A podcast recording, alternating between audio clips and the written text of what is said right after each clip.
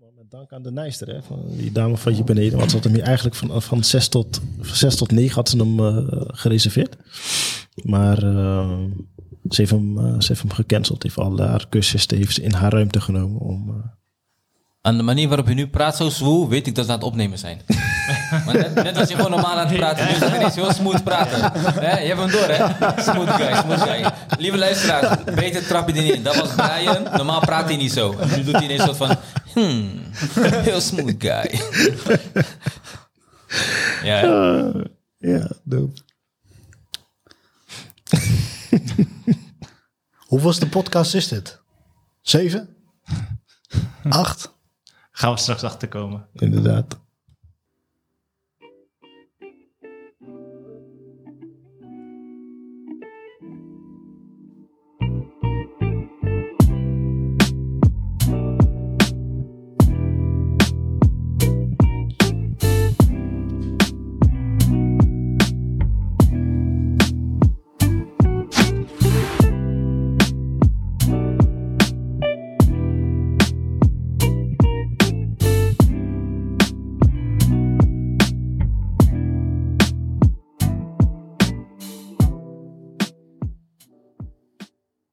Yes, yes. Michel, hoe zeg je het altijd? En we zijn live. We zijn live. Groeiboekenclub, de podcast. Met dit keer het boek. Four Hour Workweek, Timothy Ferris. Ofwel een werkweek van vier uur. Op zijn Nederlands. Zeg gelijk in Turks. Dat doe nog aan. Müslümanı traboyt squat waren. 4 saatlik çalışma haftası. Ai, ai. Dope. Krijgen we ook de Turkse schriftelijke vertaling. Van het boek. Ja. Dan moeten we hem eh, vanuit Istanbul even bestellen. Alleen, de titel is ook voldoende voor, eh, dat, voor dat socials. was hem. Je was niet aan het luisteren, man. Je bent niet scherp, man. Cor, doe eens in Pakistans. Wat? Zo die. Hoe doe je? Pakistan, waar komt dat nou weer vandaan? Waarom, waarom is je stem ineens zo? Doe eens even normaal. waar, waar komt dat nou weer Waarom is je vandaan? ineens helemaal zo rood? Doe even rustig. Maar volgens mij de taal die ze in Pakistan spreken is Urdu. Ja, precies. Dat spreekt ze ook in India. Oh ja, dat bedoel je. Maar de Urdu is, eh, heb ik niet meegekregen En, en. Pashtun, of niet? Je hebt, ja, ze, ze spreken, ik weet niet hoeveel honderd talen ze daar hebben. Ja. Escape the 9 to 5. Live anywhere. Enjoy the new rich. Ja man, hoe is dat voor jullie ontstaan? Ehm Baris vertelde net iets moois. Maar voor, dan kijk ik Cor, Michel aan. Wat ontstaan? Escape van 9 to 5. Ja, maar het is ook... Een, een- ja, ik weet niet precies, maar... Het, de gedachte van... Een, kijk, een 9 tot 5 heeft best wel een, een negatief ehm, betekenis gekregen, denk ik, de laatste paar jaar. Ook als je naar functieomschrijvingen keek, dan zie je daar staan van... We willen iemand met, zonder 9, men- 9 tot 5 mentaliteit. Of als je... Als ik vroeger gesprekken voerde met vrienden of zo, dan hoorde ik ook best wel vaak van...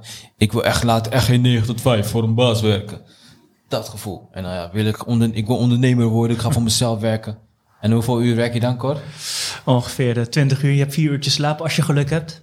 Ja, Dus eh, Per dag hè, per dag. Ja, En we leven ook in een maatschappij waar dat een beetje wordt verheerlijkt. Hè? Dat het eh 20 uur werken, 4 uur slapen, dat, alsof dat een teken is van dat je succesvol bent. Ja, ja. nee, dat was, dat was gewoon keihard struggelen gewoon. Ja, nee, maar, Dus, eh, nee, maar ook, nee, maar ook, we hoorden het toch ook, hè, waar we laatst ook over hebben gehad, is dat eh, het woordje ik heb het druk, dat, dat als een soort van eh, personal brand wordt gebruikt. Van ik, ik ben druk, want ik ben veel gevraagd, want ik ben goed, ik ben succesvol. En dat was, hoe heet die gast? Krab- Krabbe? Tony Krabbe? Die had toen een artikel geplaatst, geschreven ooit van, alleen losers hebben het druk. Sukkels, sukkels. Of alleen Ja. sukkels hebben het druk. Ja. Ja, sukkels vind ik niet hard klinken. Sukkels, als iemand tegen mij sukkels zou zeggen, voel ik me niet aangesproken. denk ik, oké. Is- Snap je als iemand zegt Ja, ja. sukkel? denk ik, oké. Ja, ja. sukkel. Ja, maar, maar, maar klopt, ja. Weet je, dan, wat je eigenlijk zegt is, als je druk... Hoe gaat het? Ja, druk, man. Alsof, je het, alsof dat het teken is van, het gaat goed. Eigenlijk zeg je, ik kan geen prioriteit stellen. Eigenlijk, ik kan geen nee zeggen. En Ja. we moeten meer daar naartoe gaan. Dat je bijna bezwaard voelt om te zeggen dat je druk hebt. Daar moeten we naartoe gaan. Ja. En ik- dus ik denk, als je richting die 4-hour workweek gaat, voel ik ook een beetje weerstand, persoonlijk in het begin vooral. Omdat ik geloof in werk als belangrijk platform voor geluk. En eh, maar dat gaat straks, komen we straks op inhoudelijk op in het boek hoor. Hier wordt bijna gedaan alsof werk iets vies is. Werk hoeft niet iets lelijks te zijn, iets vies te zijn. Je kan ook echt uitkijken naar je werk. Je kan ook echt zin hebben in je werk. Dat je tijdens je vakantie uitkijkt, nou, ja, klinkt een beetje overdreven, dat je tijdens je vakantie uitkijkt naar je werk. Of dat je op zondag denkt, yes, ik mag morgen werken. maar werk hoeft niet iets te zijn waar je echt van moet vluchten. Ja, ik, ik denk dat- dat is wel een belangrijk punt, eh, Michel. Eh, veel mensen waar ik mee spreek wekelijks, ehm, zeker als het dan vrijdag is, en dan vraag je het bij, tijdens een meeting, en hoe gaat het? Ja, super, het is vrijdag. Hè, de dag kan niet stuk. Thank God En- it's Friday. En, en, de, ja, en, en de reden waarom mensen daar dan blij om zijn, is omdat ze dan morgen en overmorgen dus niks meer hoeven te doen qua Ja. werk. Maar goed, Lekker. heel veel mensen die van 9 tot 5 werken, om het maar even te zeggen, die eh, zijn vrijdags op hun, op hun best. Hè? Ja, Als ik, Maar- eh, als ik, als ik aan, mijn, aan mijn partner vraag, wat, eh, van, wanneer, wat, wat is jouw drukste dag eigenlijk door, door de week? Zegt ze meestal vrijdag, want dan Ja. lijkt iedereen ineens aan het werk te gaan. Ja. Ja, nou, dat is absoluut waar. Maar ook qua sales. Vrijdagmiddag mensen bellen voor sales is het beste moment om mensen te bellen. Want dan zijn ze zo soepel, zo relaxed. Al een beetje in de stemming om lekker naar huis te gaan. En dan s'avonds lekker chillen. Dat is zo'n relaxed mood. Dat zelfs een, een, ja, een verkoper die, die ze dan aan de telefoon krijgen. Staan ze gewoon relaxed te worden. Ik heb de beste telefoontjes heb ik vrijdagmiddag na drie uur gehad. Terwijl Maar Baris als- dit vertelt, Ja. is hij dit ook al dansend aan het vertellen. Dus moet je maar even inbeelden terwijl je dit net gehoord hebt. Dus spoel even een stukje terug en luister dit nog een keer. En dan bedenk een dansje erbij, hoe Baris dit zal doen. Brian, kan je, Brian, kan je een Hallei, een Hallei beat... eh ja.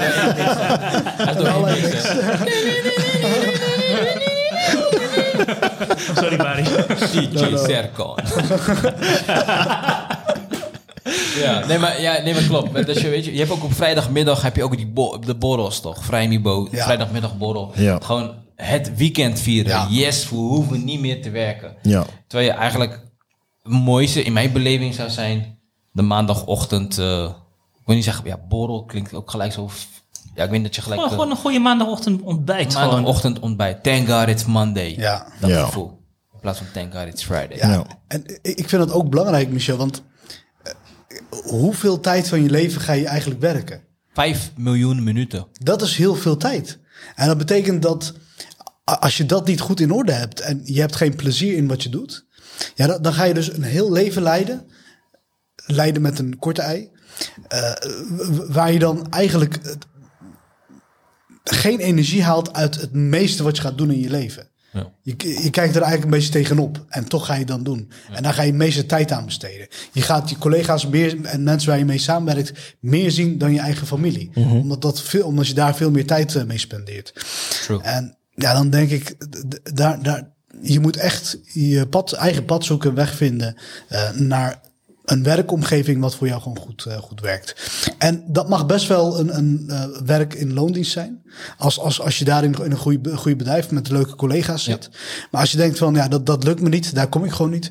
Dan is ook ondernemen een optie. Maar hebben jullie dit boek ook op deze manier geïnterpreteerd? Dus dat je gewoon zegt van, nou, ik doe dit. Eigenlijk, ik lees dit boek eigenlijk om te kijken hoe ik mijn huidige werk gewoon Ja, effici- efficiënter Ja. en effectiever in kan zetten? absoluut. Of is het meer van dat je zoiets hebt van, oh, ik wil gewoon eigenlijk eh, wat, eh, wat nu de millennial gedachte is, om maar even zo te zeggen. Ik ga met mijn Mai Tai, ga ik eh, op Costa Rica zitten, ga ik elke dag mediteren en dan eh, twee producten verkopen en dan ben ik ook wel blij. Ja, maar als je de cover ziet van het boek, dan zie je ook iemand tussen de palmbomen in een hangmat te Ja. Ja, liggen, ja. toch? Ja, Dus, dus daarmee programmeert je, schrijven je al van, dit is de life. Ja. Weet je, this is the life waar je naar moet streven. Gewoon letterlijk dat eh, zo'n laptop lifestyle. Ja, ja. eh, aan, een, aan een zwembadrand met je laptop op schoot. Ja, Je business binnenharken. En daar gaat het boek ook deels over, hè? Ja. ja. Moet ik wel zeggen, bij mijn laatste vakantie heb ik eh, één dag heb ik dat gedaan. En ik heb wel meteen drie opdrachten binnengeslepen. Daarna moest ik mijn laptop wegzetten van de baas. Eh zeggen ze van ja, weet je, leuk, maar dan had je net zo goed eh, wat anders kunnen boeken.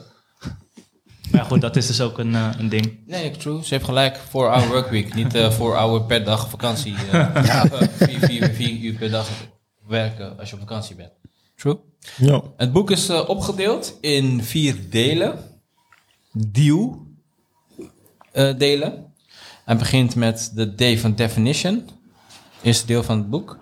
En dan heeft hij over wat is de definitie voor jouw succes? Wanneer, heb je gevoeld, wanneer ben jij succesvol? Wat zijn jouw dromen? Ook de D. Wat zijn jouw droomlijnen? Dat je weet wat jouw doelen zijn, ook met een D. Welke richting wil je op? Hoe, en hoe ga je dat meten? Dus hoe maak je het vooral meetbaar voor jezelf? Zodat je weet wanneer je gas moet geven, wanneer, het, wanneer je de juiste richting op gaat, of wanneer je moet bijsturen. D. Daarna komt de E van Elimineren. elimineren. En waar doet hij daarop? Meen dat dat eh, ging over de zaken, de, de aspecten uit je leven halen die daar niet aan bijdragen, maar je gewoon geen energie uit haalt. Ja, Dus letterlijk de tijdverspillers. Ja, Ja, en een van de mooiste wat hij, eh, een van hoofdstuk 7 ge- geeft hier de art of refusal. Oftewel de, de kunst van het weigeren. ja zeker. En zeker. die, eh, dat, dat is ook een hele, hele interessante. Ja. En eh, dat is ook wat we vaak niet doen. Want een van de dingen die ik steeds tegenkom, ook in de trainingen die ik geef, is dat je heel veel mensen zeggen: Ja, ja, doe ik wel, doe ik wel even, doe ik wel even. Maar dat is een ja tegen het bedrijf of de plek waar je werkt, of iets wat je eigenlijk niet zou willen doen. Maar vooral een nee tegen jezelf. En je bent jezelf aan het weigeren van wat vind ik nou belangrijk. ja, En dus- dat in lijn met, de, met de definitie die je zelf geeft aan je eigen succes. Is het weigeren van eh, hè, vaker nee zeggen is ook een hele interessante. Dus eh, nee elimineren, dus nee zeggen tegen dingen die jou van de D, de eerste D, weghalen. Juist. Van die definition. Dus als iets jou niet dichter jouw definition brengt, ja. dat moet je dus lozen. Ja, De dus A, automatiseren. automatiseren. Systeem in eh, plek brengen waardoor je het werk wat je, hè, wat je niet leuk vindt of wat je juist wil elimineren, wat je wil weigeren, dat je door of een ander laat doen of dat je door een computerprogramma laat doen. Ja. Ehm, Om tijd vrij te maken. om tijd vrij te maken voor de dingen die belangrijk zijn. Dus je gaat je dus anders, anders prioriteit- kom je nooit aan Ja. die eh four hour. ja, dus de A. En dan hadden we de L van... Ja, de elf van bevrijding, maar dat kan niet. Dus In, in, in het Nederlands. is bevrijding. Of in het Engels. Liberation. Liberation. Liberation. Vrijheid. Yes. We beginnen met de D. Droomlijnen. Brian, je hebt een uh, draaiboek, toch? Ja, man. Ja, ik, denk, je ik, denk, niks. ik denk, je bent, ja, je bent aan het praten. Nee, Heerlijk, nee, ja, ik gezellig. ik ben- ja, ik weet niet. Ik mute mezelf even. Ja, droomlijnen. Ehm, volgens mij stelde ik het al in eh, voordat we eh, opnamen. Van oké, hoe is dat voor jullie gegaan? Wat is daadwerkelijk echt jullie droom geweest om te kunnen zeggen van oké, eh, ik stap af van de klassieke 9 to 5 mentaliteit en ik ga letterlijk voor deze droom leven. Ook al is het misschien niet direct een vierurige werk, werkweek, die hè, Cor begint al te lachen. maar je, hè, het is wel een droom die je leeft. Ja, kijk, het idee, het idee achter eh, mijn droom was dat ik heel veel, zoveel mogelijk mensen in deze wereld wil helpen.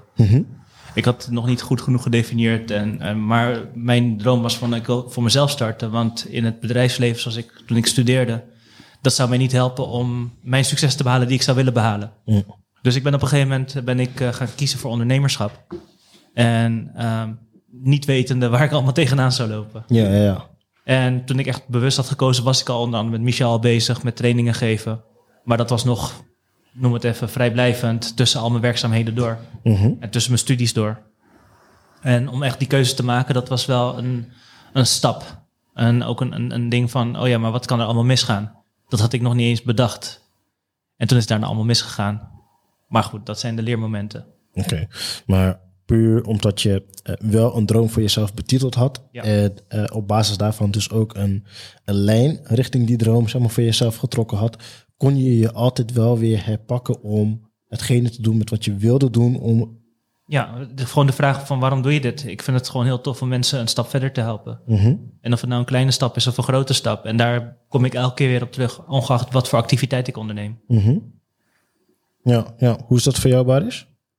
Ja, ik, ik, zit, ik zit heel erg na, na te denken. Dus het is ook best wel gevoelig op dit moment. eh, ja, goed, ik, ik heb het voor de podcast even, even gedeeld. Maar ik, ik wil het ook wel tijdens de podcast even delen. Want ik denk dat het wel heel erg in lijn is met, eh, eh, met, met de delen uit het boek.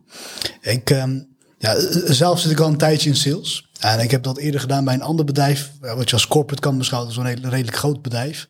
En goed, ik, ik denk, daar had ik wel echt een momentum te pakken. Da- daar zat ik gewoon goed in mijn vel. Ik had eh, hele leuke collega's. Ik, ik werk echt in een, nieuw, eh, in, een leuke team. Een team die ik zelfs nog als mijn familie zou kunnen zien. Ik, eh, ik, ik heb nog steeds contact met ze. Ik, ik spreek ze ook. En daar heb ik heel veel, met, met, met heel veel plezier gewerkt. Maar ik wist wel, er moest wel meer zijn. Ik, ik moest mezelf toch wel uitdagen om uit die comfortzone te stappen. Want het- was op een gegeven moment wel te makkelijk geworden voor mij. Ik ben eh, daarna ja, stond ik open voor een, eh, voor een benadering. Ik, ik werd benaderd door een eh, recruitmentbureau. En er was een andere salespositie waar verdere groeimogelijkheden waren. Ik, ik, ik ben daar begonnen. En goed, ik, ondertussen kwam ik erachter dat ehm, ja, de functie waar ik als salespersoon ben begonnen, had weinig met sales te maken. Tot bijna niks eigenlijk. Ehm, zeker in, in de beginfase. En ook naar de toekomst toe kon men dan niet zeggen van... oké, je gaat nu meer, meer sales doen. Dus daar ben ik ook nog eens verwijderd van de salesvaardigheden... dus de sales commitment die ik heb... eh, dat ik dat ook te weinig of helemaal niet meer kan doen. En dan ben ik nu alleen maar werk aan het doen... waar ik geen energie meer uithaal. En dat, d- daar komt het eh, punt elimineren ook bij mij aan te pas. Ik haal er geen energie uit. Ik vind het niet leuk. Ik kijk er niet naar uit. En nou goed, vandaag ben ik ook eh, open het gesprek aangegaan eh, met, met de werkgever. En ik heb gezegd, eh, wat ik nu doe, daar haal ik gewoon geen energie uit. En ik, ik, heb, ik, ik ben daar nog verder gegaan ook. Ik zei, jullie hebben mij gezien toen ik hier kwam werken. De, de, de baas die hier binnenkwam lopen was energiek, straalde uit, was, was eh, een, een, topgozer. En als je nu kijkt naar mij, maar aan mijn lichaamstaal zie je al gewoon dat ik, het- dat ik het niet naar mijn zin heb. Ik voel me ook niet fijn, maar ik, ik heb ook gevraagd aan hem. Heb jij ook gemerkt dat ik gewoon minder goed in mijn vel zit? Nou, z- zit ik op kantoor. Eh, ik, ik, ben, ik ben niet meer graag eh, eh, aan het lunchen met, eh, met de collega's. Niet zozeer omdat ik de mensen niet mag, dat, dat is het punt niet. Ik zit zo met me in mijn hoofd met van ik hoor hier niet. Dat ik denk van ja, maar wat, wat, wat, waarom zit ik dan nog met, met die mensen daar? Ik heb dan gewoon openlijk eigenlijk gewoon het gevoel, gevoel gedeeld die ik heb. Eh, eh, hebben jullie hebben de Netflix eh, documentaire over Tony Robbins gezien, denk ik? I'm Ja. not your guru. Ja, ja. Dat was toch een scène waarbij een, een mevrouw opstaat en nou goed, begon over haar relatie te praten. En Tony Robbins vraagt aan, aan haar van, houd jij van, van, van de man waar je, waar je mee een, een relatie hebt op dit moment? Nou, de schouders gaan een beetje omlaag, ze kijkt naar beneden. En op dat moment zegt Tony Robbins al, zien jullie al wat er aan de hand is? Ik bedoel, zien jullie gewoon aan haar lichaamstaal dat, dat het antwoord eigenlijk een antwoord is die ze niet leuk vindt. Namelijk dat ze in een relatie zit ja, waar ze geen voldoening uit haalt. En toen zei ze ook van, eh, ja, ik ben, ik ben blij dat hij er niet is. Het zou heel ongemakkelijk worden. En toen maakte hij de opmerking, Tony Robbins, van... Ik zou liever willen dat hij hier was. Dan hadden we hem vrij kunnen zetten. Hadden kunnen zeggen van, nou, dit is gewoon een relatie die niet beide partijen eh, tevreden stelt. Dan is misschien uit elkaar gaan een betere optie. En, en dan geef je ook jezelf de kans en de ruimte om iets te zoeken waar je juist wel gelukkig gaat worden. Ga je andere mensen tegenkomen, een nieuwe partner tegenkomen, waar je misschien een betere klik mee gaat hebben. En daarom heb ik ook in het gesprek vandaag met de werkgever gezegd van dit is. ehm, nou, ik, ik, ik zei ook letterlijk dit woord eh, tegen hem. Ik zei, de laatste twee dagen dat ik hier naartoe kwam, naar kantoor, dacht ik van, eh rij gewoon het kantoor voorbij, ga gewoon ergens anders naartoe. Ik voel hier echt niks voor. En toen ik dit zei, en dat, dat is wel iets wat hem raakte, dat, dat, dat zei hij ook. Waar is dat, dat vind ik wel een beetje pijnlijk dat je dat zegt. Het, het was pijnlijk, maar het was waar. Het was oprecht. En ik, ik zei niet om hem pijn te doen. Ik zei omdat dat is wat ik voel. Ik, ik wilde daar gewoon niet meer zijn. En het werk wat ik deed, wilde ik ook gewoon niet meer doen. Eh, ik, ik wil niet eh, in, in, in technische materie duiken. Da- da- daar, daar ligt gewoon mijn. da- daar haal ik niet de voldoening uit. Nou, toen kwam het eh, gesprek eh, wel een beetje tot een conclusie dat, eh, dat, dat we gewoon niet verder moesten. Want aan het begin van het gesprek, een paar minuten daarvoor zei hij nog, ja, misschien dat we nog de maand kunnen afmaken, of misschien nog anderhalf maand tijd nemen om te kijken hoe het, hoe het nog gaat of kan gaan. En na die opmerking was het eigenlijk wel vrij snel af. Deze week beëindigen we het al. En gek genoeg, ik, ik, ik had vanaf dat moment een beetje gemixte gevoelens. Ik, ik vond het spannend, eerlijk is eerlijk. Ik vond het wel spannend. Ik dacht, wow, hey, nu, nu, nu zweef ik een beetje in de lucht. Ik, ik heb geen houvast meer. Ik, ik, ik vind het echt, eh, ik, vond het wel, ik vond het wel eng. Aan de andere kant was ik ook gelukkig. Ik dacht, wauw, dit voelt eigenlijk best wel relaxed. ik heb een beslissing genomen en ik, ik heb een actie ondernomen.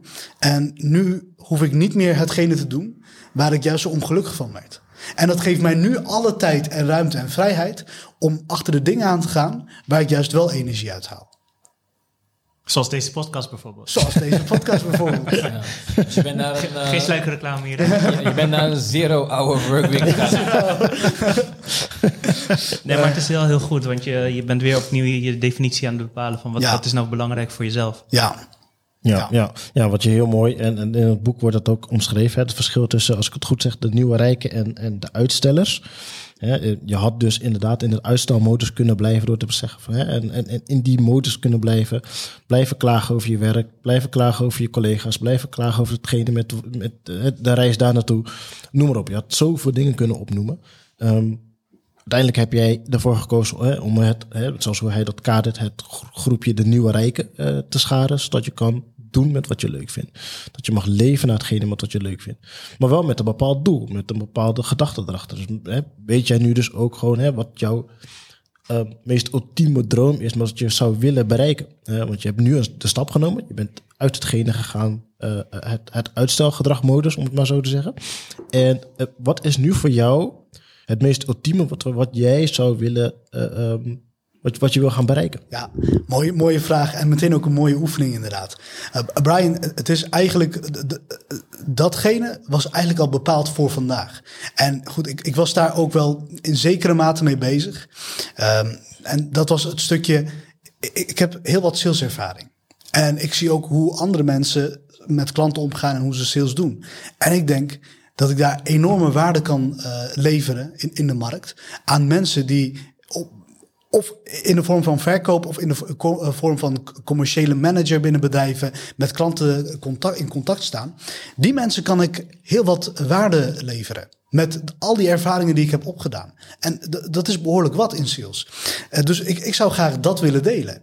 Nou goed, daar heb ik ook vaker met, met, met jullie over gehad. En eh, ik, ik denk goed vanuit met, met alle tijdspendering aan, aan het werk wat ik dus deed de laatste half jaar.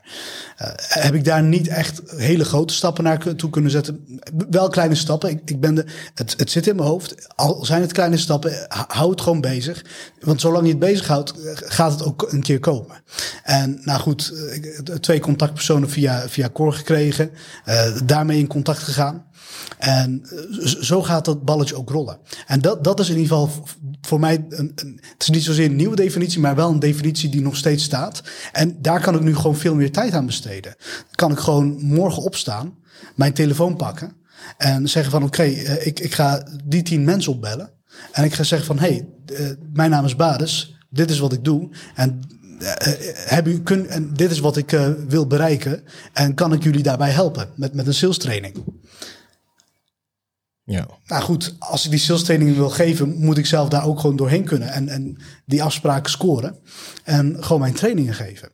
Dat is één ding. En het tweede ding is, nu heb ik ook nog eens alle tijd om verder te werken aan mijn subboard business. Want is Deze- natuurlijk deze-. Deze podcast is gesponsord door. Nee, Deze podcast wordt straks gesponsord door...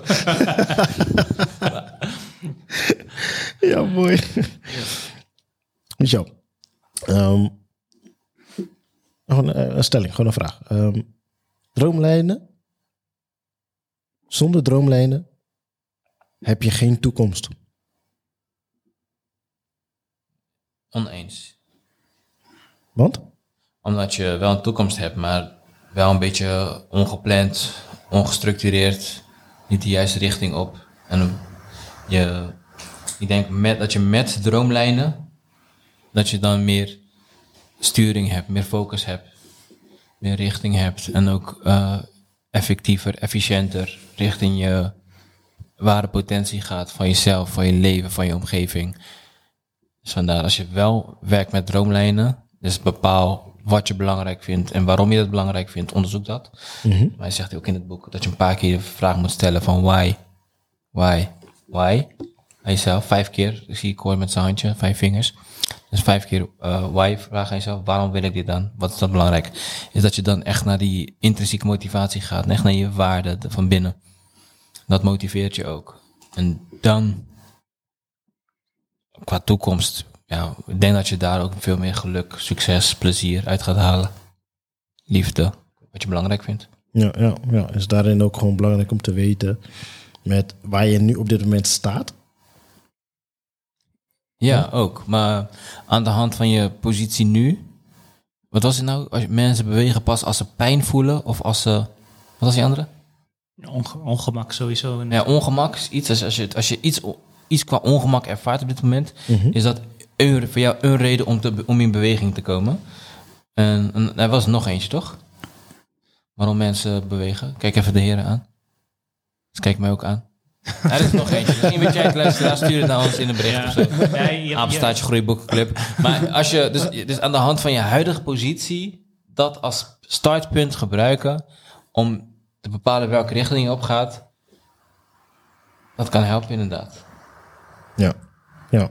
ja vanuit een, eh, een boek ehm, die, ik, eh, die ik zelf lees, eh, Ontwikkelde Leiden Jezelf, hebben ze het over. ehm, ehm, wat was het laatste wat je ook weer zei? Ik ben er even kwijt. Spoel even terug. Ja, ik- ik- ik- ja.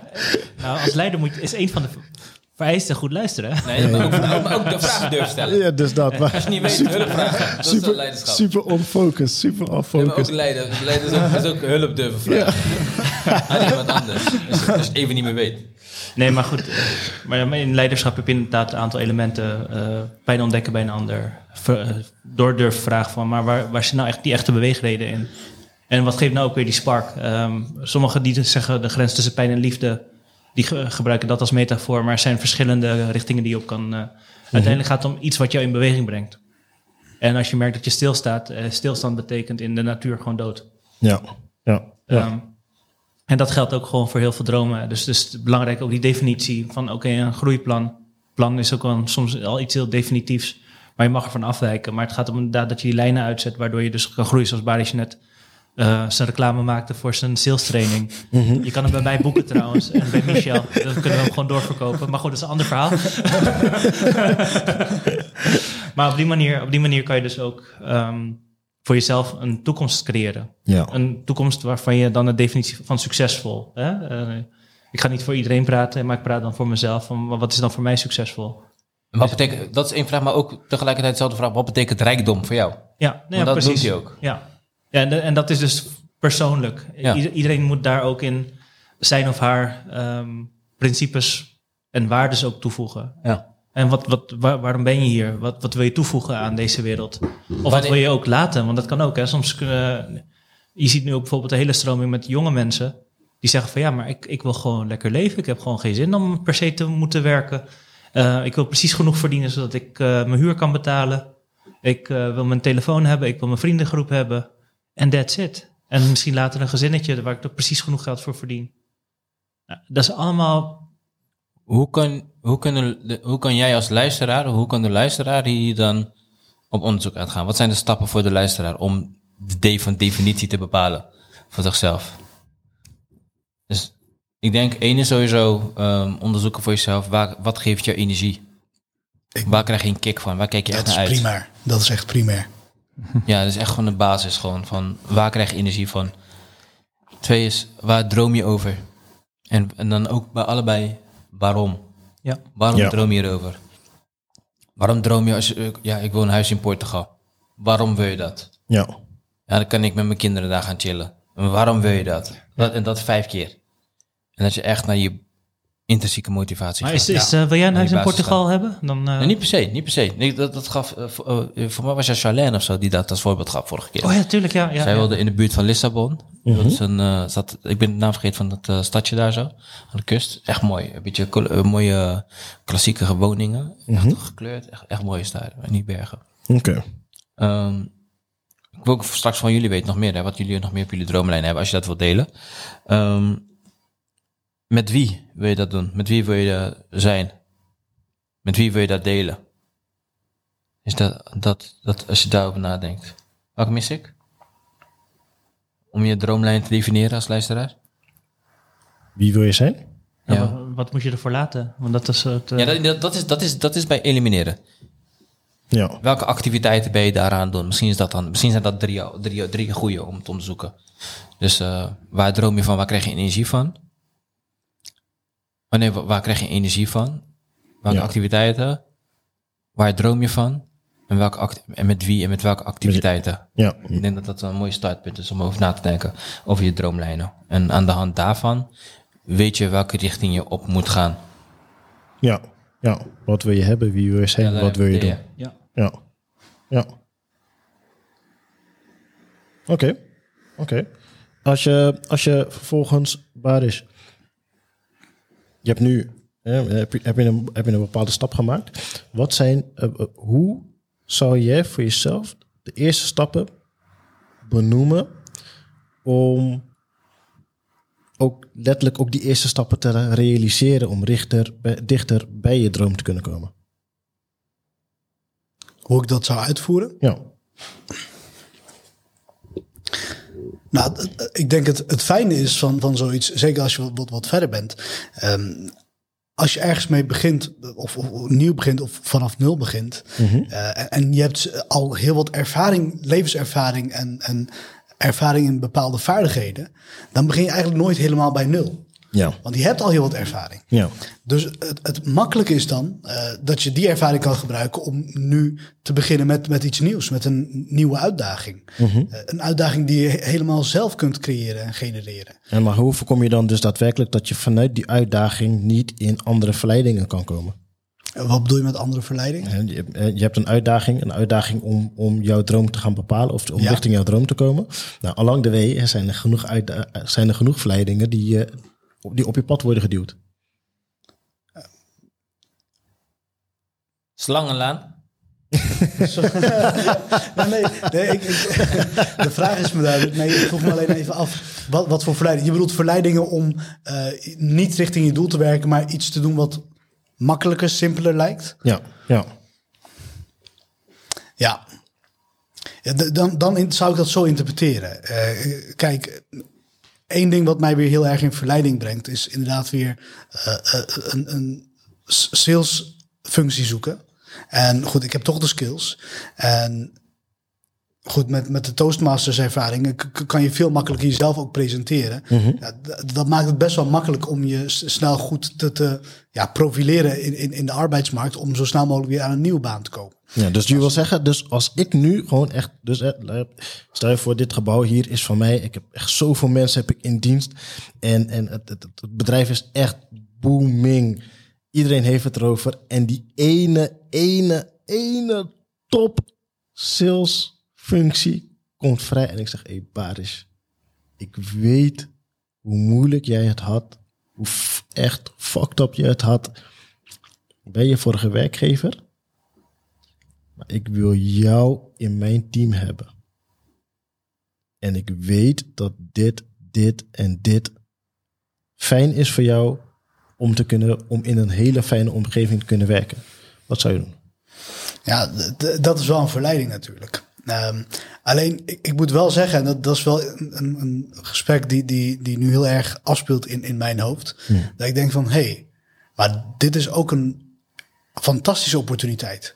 Dit is eigenlijk de op- mogelijkheid waar ik best wel lang op heb gewacht. Dat ik nu, vanaf morgen en alle dagen daarna, alle tijd heb om zelf een leeg papiertje te pakken morgen. En zeggen, dit en dit en dit ga ik doen. En dan bedoel ik niet voor een ander gaan werken. Nee, dit, dit kan ik gaan doen voor mezelf om andere mensen te helpen. En dan volledig mijn aandacht en focus daarop richten. Ik weet niet of ik daar betaald voor ga krijgen komende maand. Geen idee. Eh, Er zijn rekeningen die, die lo- doorlopen. Maar ik, ik, ik, ik moet zelf wel doorgaan.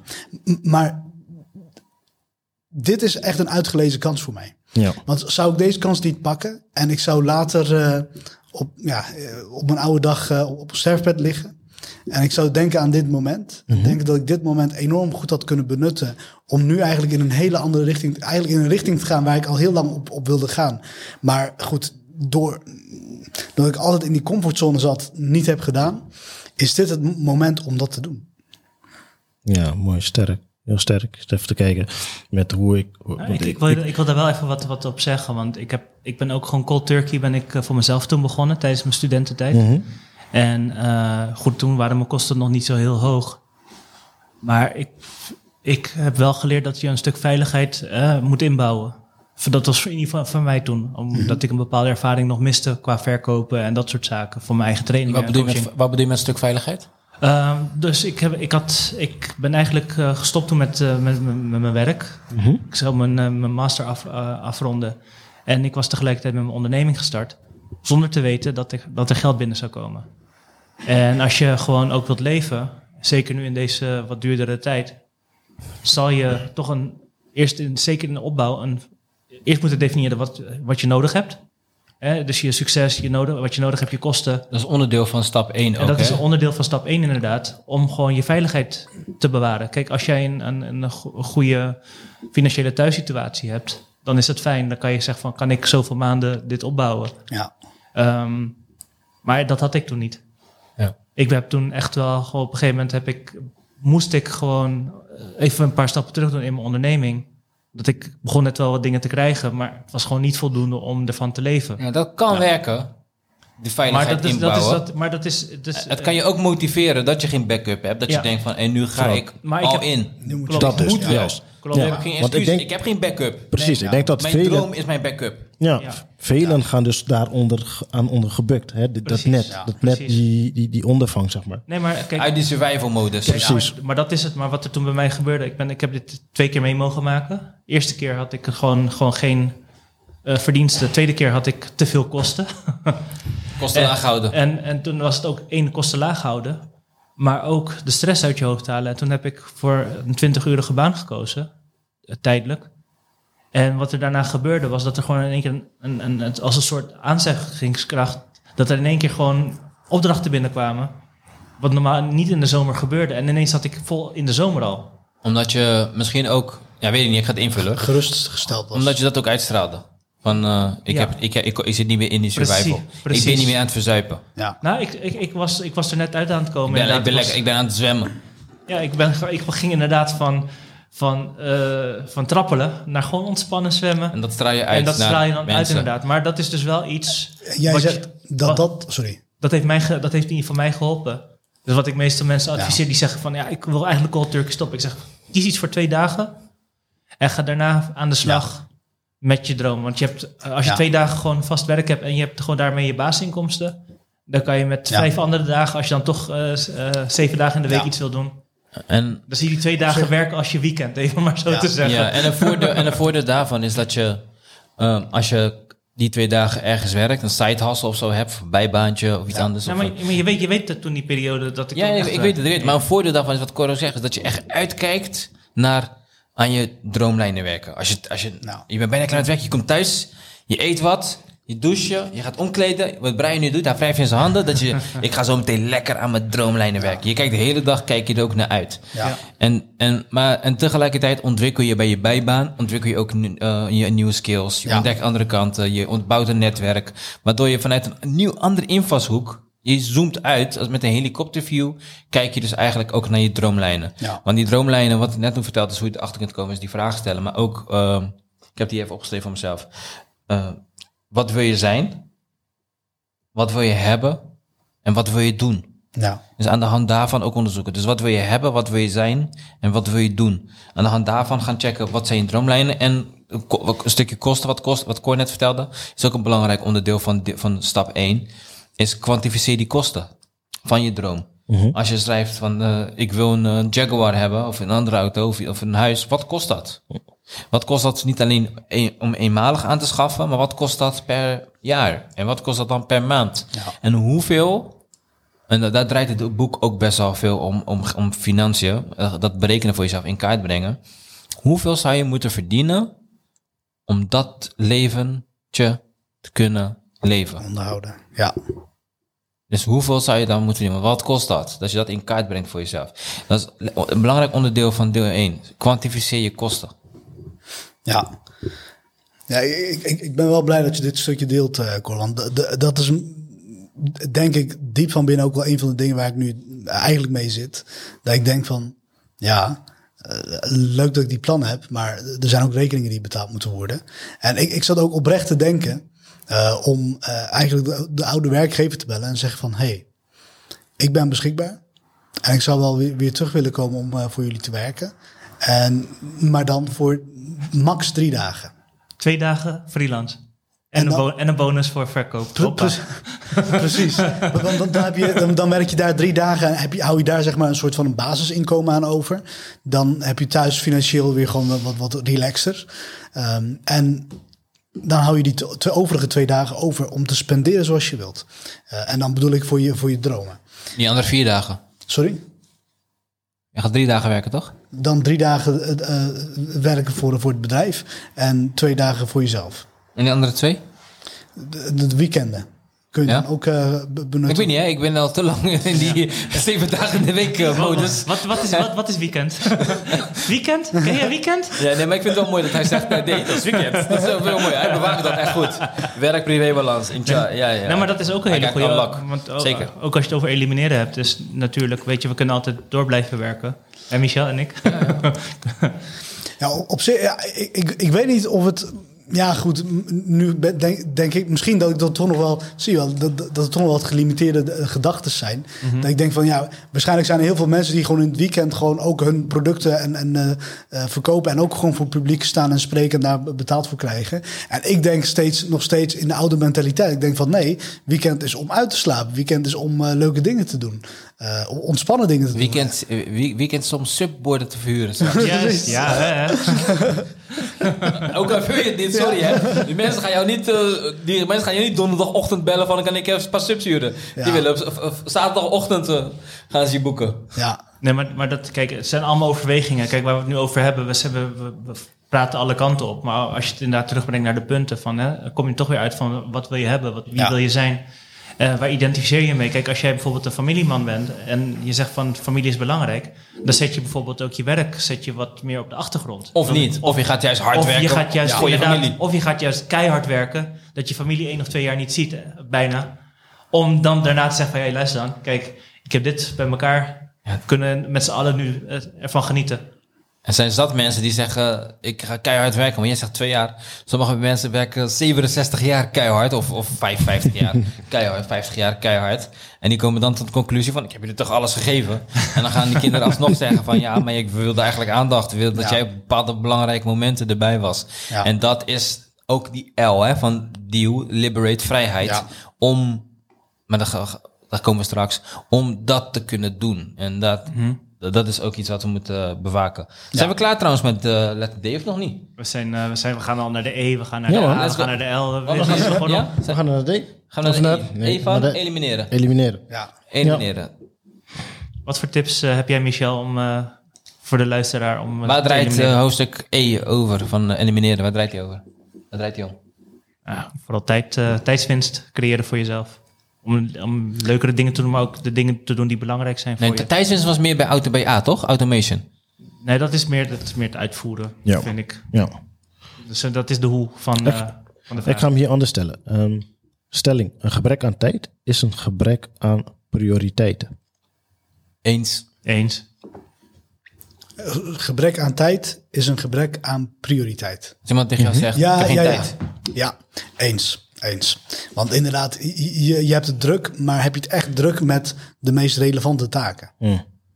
Of heb je gewoon geen zin in die persoon? Ja, Dat kan ook. Sorry, die was iets te snel. Ja, ja, nee, die is perfect. Waarom is die eens voor jou, Michel? Ja, je, je kan tijd creëren. Een dag heeft 24 uur. Je kan eh, altijd een half uur eerder opstaan. Je kan ook een half uur eerder naar bed. Als je zegt, ik heb geen tijd om genoeg te slapen. Mhm. Ja, dan ga je tussendoor eh, ergens tijd creëren. Gewoon elimineren. Ja. Dingen die minder belangrijk zijn, elimineren. Ik, ik, zo kijk ik ernaar, hè. Gewoon heel praktisch. Ik hoor ook heel vaak van mensen van... Waar hou jij de tijd vandaan om zoveel te lezen? Ik zeg, ho- ho- hoezo niet? Ik zeg, je hebt toch gewoon... Ik zeg, ja, je kan toch keuzes en keuzes die Ja. je maakt. Ja. Je kan gaan Netflixen. Niks, niks, niks tegen Netflix, want daar hebben ze die eh, docu... I am not your guru van eh, Tony Robbins. Ja. die kan je ook checken, maar je kan ook een boek lezen. Ja. En je kan natuurlijk, je kan gaan binge-watchen al die series. Is goed, zeggen ze soms toch. Bij eh, Atomic Habits, het eerste groeiboek wat we hebben besproken, zegt hij ook van sommige dingen gaan we goed praten voor onszelf. Van ja, ik kom tot rust. En daardoor ben ik in een later stadium ben ik dan uitgerust en ben ik dus productiever en effectiever en efficiënter. Ja, Als ik ja. nu een serie kan kijken. Nee, maar is dat wel zo? Of kom je dan in zo'n andere flow, andere, andere modus? Ja. Ja. Het is echt een kwestie van keuzes maken. Wat doe je wel, wat doe je niet? En ik kies ervoor om op bepaalde momenten een boek te lezen. Ja. In plaats van iets anders te doen. Je kan ook een luisterboek doen. Maar Michel, hoe ben, je, hoe, ben jij erachter gekomen wat jij moest elimineren? Om, te, om bijvoorbeeld extra boeken te kunnen lezen? Ja, gewoon keuzes maken. Kijken wat ben je aan het doen. Letterlijk opschrijven in je, agenda. Je, eh, een, een actielijst, to-do-list hebben. Aan, aan- k- kijken, wat ben je aan het doen? En hoeveel tijd ben je eraan kwijt? En wat levert je op? Dus eh, voor de mensen die eh, onbewust hun telefoon 200 keer per dag oppakken, als het niet meer is. Download of, of check zo'n screen. eh, er zijn verschillende apps die je kan checken. Het is heel confronterend. Zie je hoe vaak je aan het scrollen bent op bepaalde apps. Hoe, hoe vaak je dat gebruikt. En denk je, waar blijft de tijd? Als je denkt, ik heb geen tijd om een half uur een boek te lezen of een uur een boek te lezen. Nou, als je dan daar op zo'n app ziet dat je toch op zo'n dag twee uurtjes hebt zitten scrollen op bepaalde apps. denk je, nou, dat, is ook, dat was ook Ja. tijd geweest om Om dat te eh, doen. om iets anders te doen. Ja. En dan kan je wel als excuus zeggen van... ik kan Instagram niet van mijn telefoon afhalen... want ik gebruik het voor mijn business. Nou, gebruik je dat ook voor je business op dat moment? Of anders moet je Instagram maar op je tablet gaan zetten.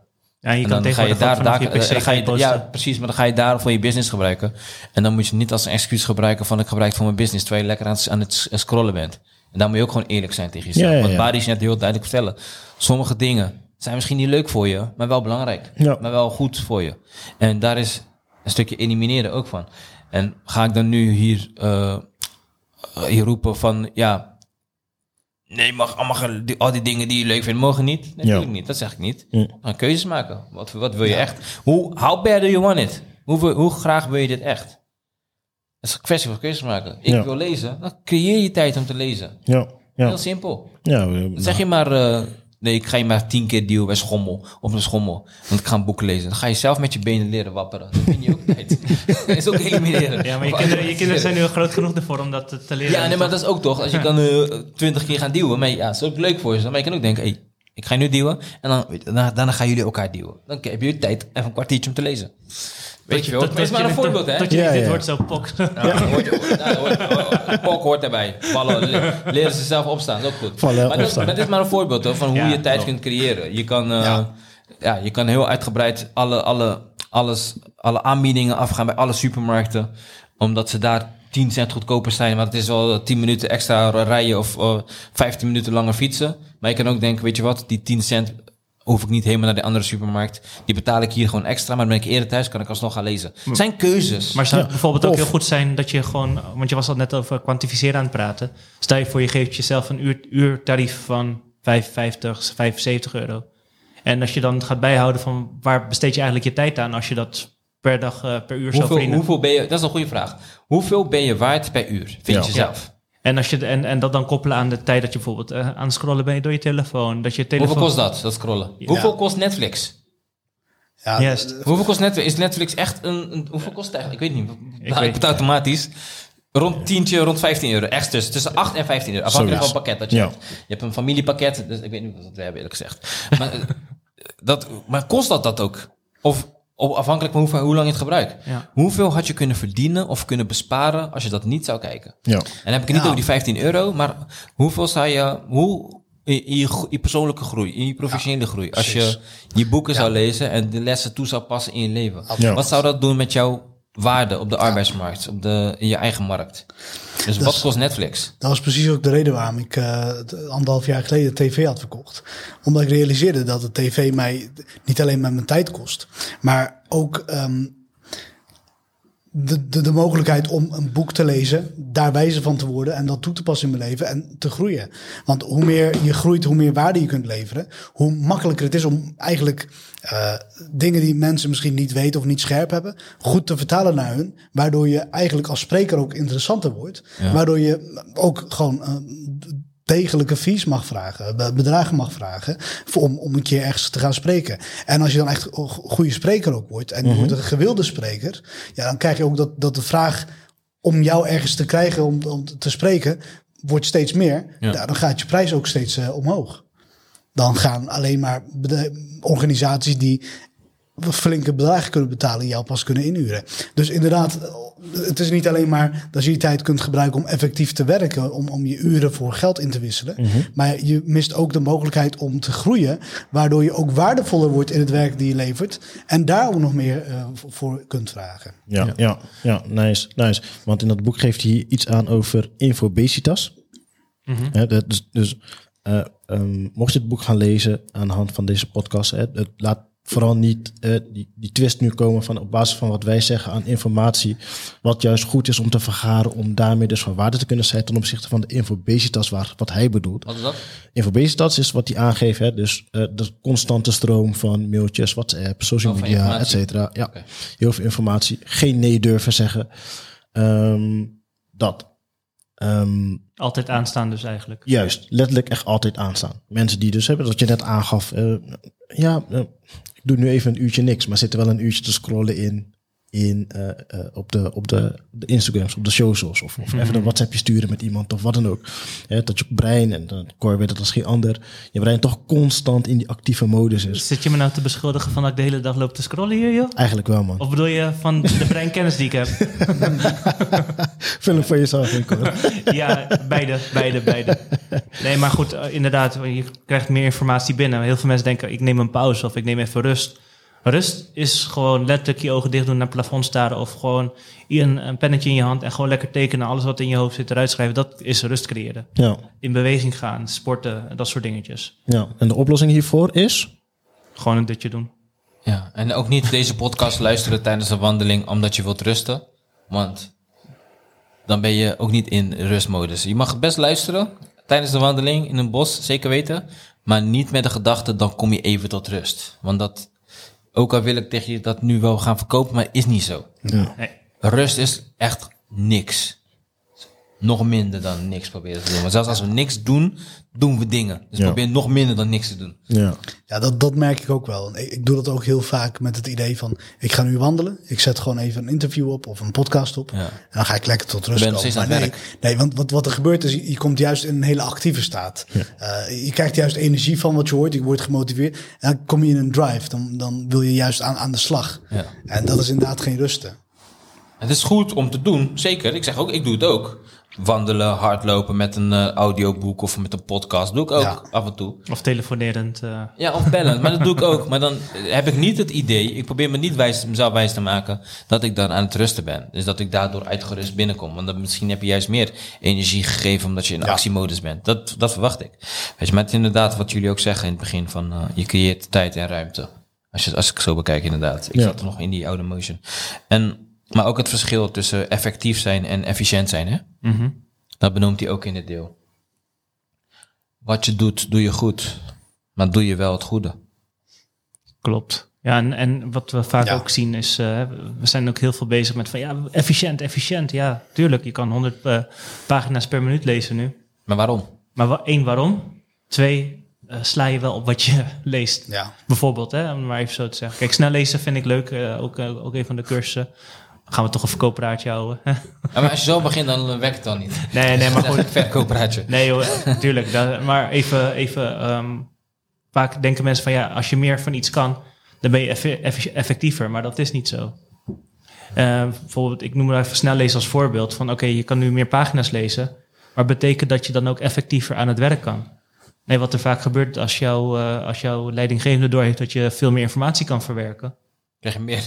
krijg je meer. en ben je op den duur ben je niet eens. Ben je, Geef, geef maar aan Cor. Hij, eh, hij is al klaar met zijn vorige. Ja, juist. Geef maar nog meer. Precies. En En dan, dan krijg je een schouderklapje. Cor, lekker bezig man. Ja, en ondertussen loop je een burn-out op omdat je gewoon te, omdat je Omdat je niet je, rust, bezig was. omdat je niet je rustmomenten pakt. Dus je bent wel efficiënt bezig, maar Ja. qua effectiviteit zak je dan in één keer weg. Ja, dit, is, dit is een concept die ik eh, uit een boek van Brian Tracy had eh, geleerd, eh, No Excuses. Eh, daarin vertelde hij ook, je kunt heel goed bezig zijn met een taak te doen.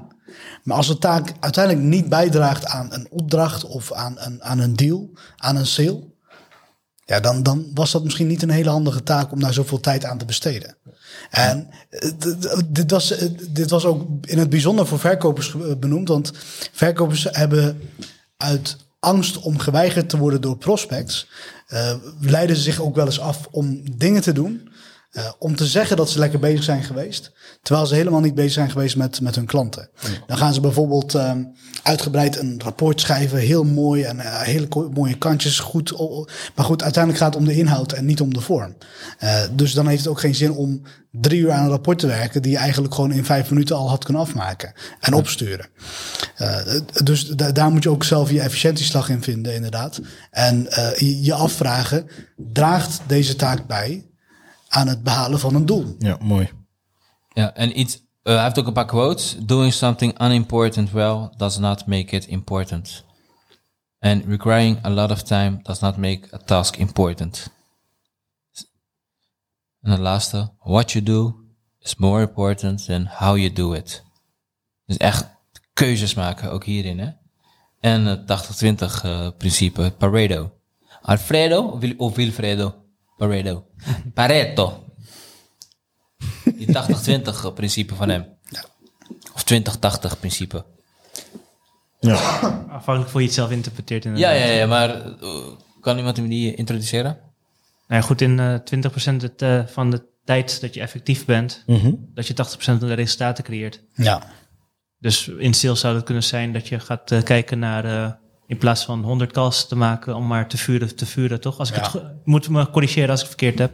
Dat je zegt van, ik doe 10 calls, maar die doe ik zo, die doe ik, daar besteed ik me 20% van mijn tijd aan. Maar die gaan ervoor zorgen dat dat wel de beste klanten worden.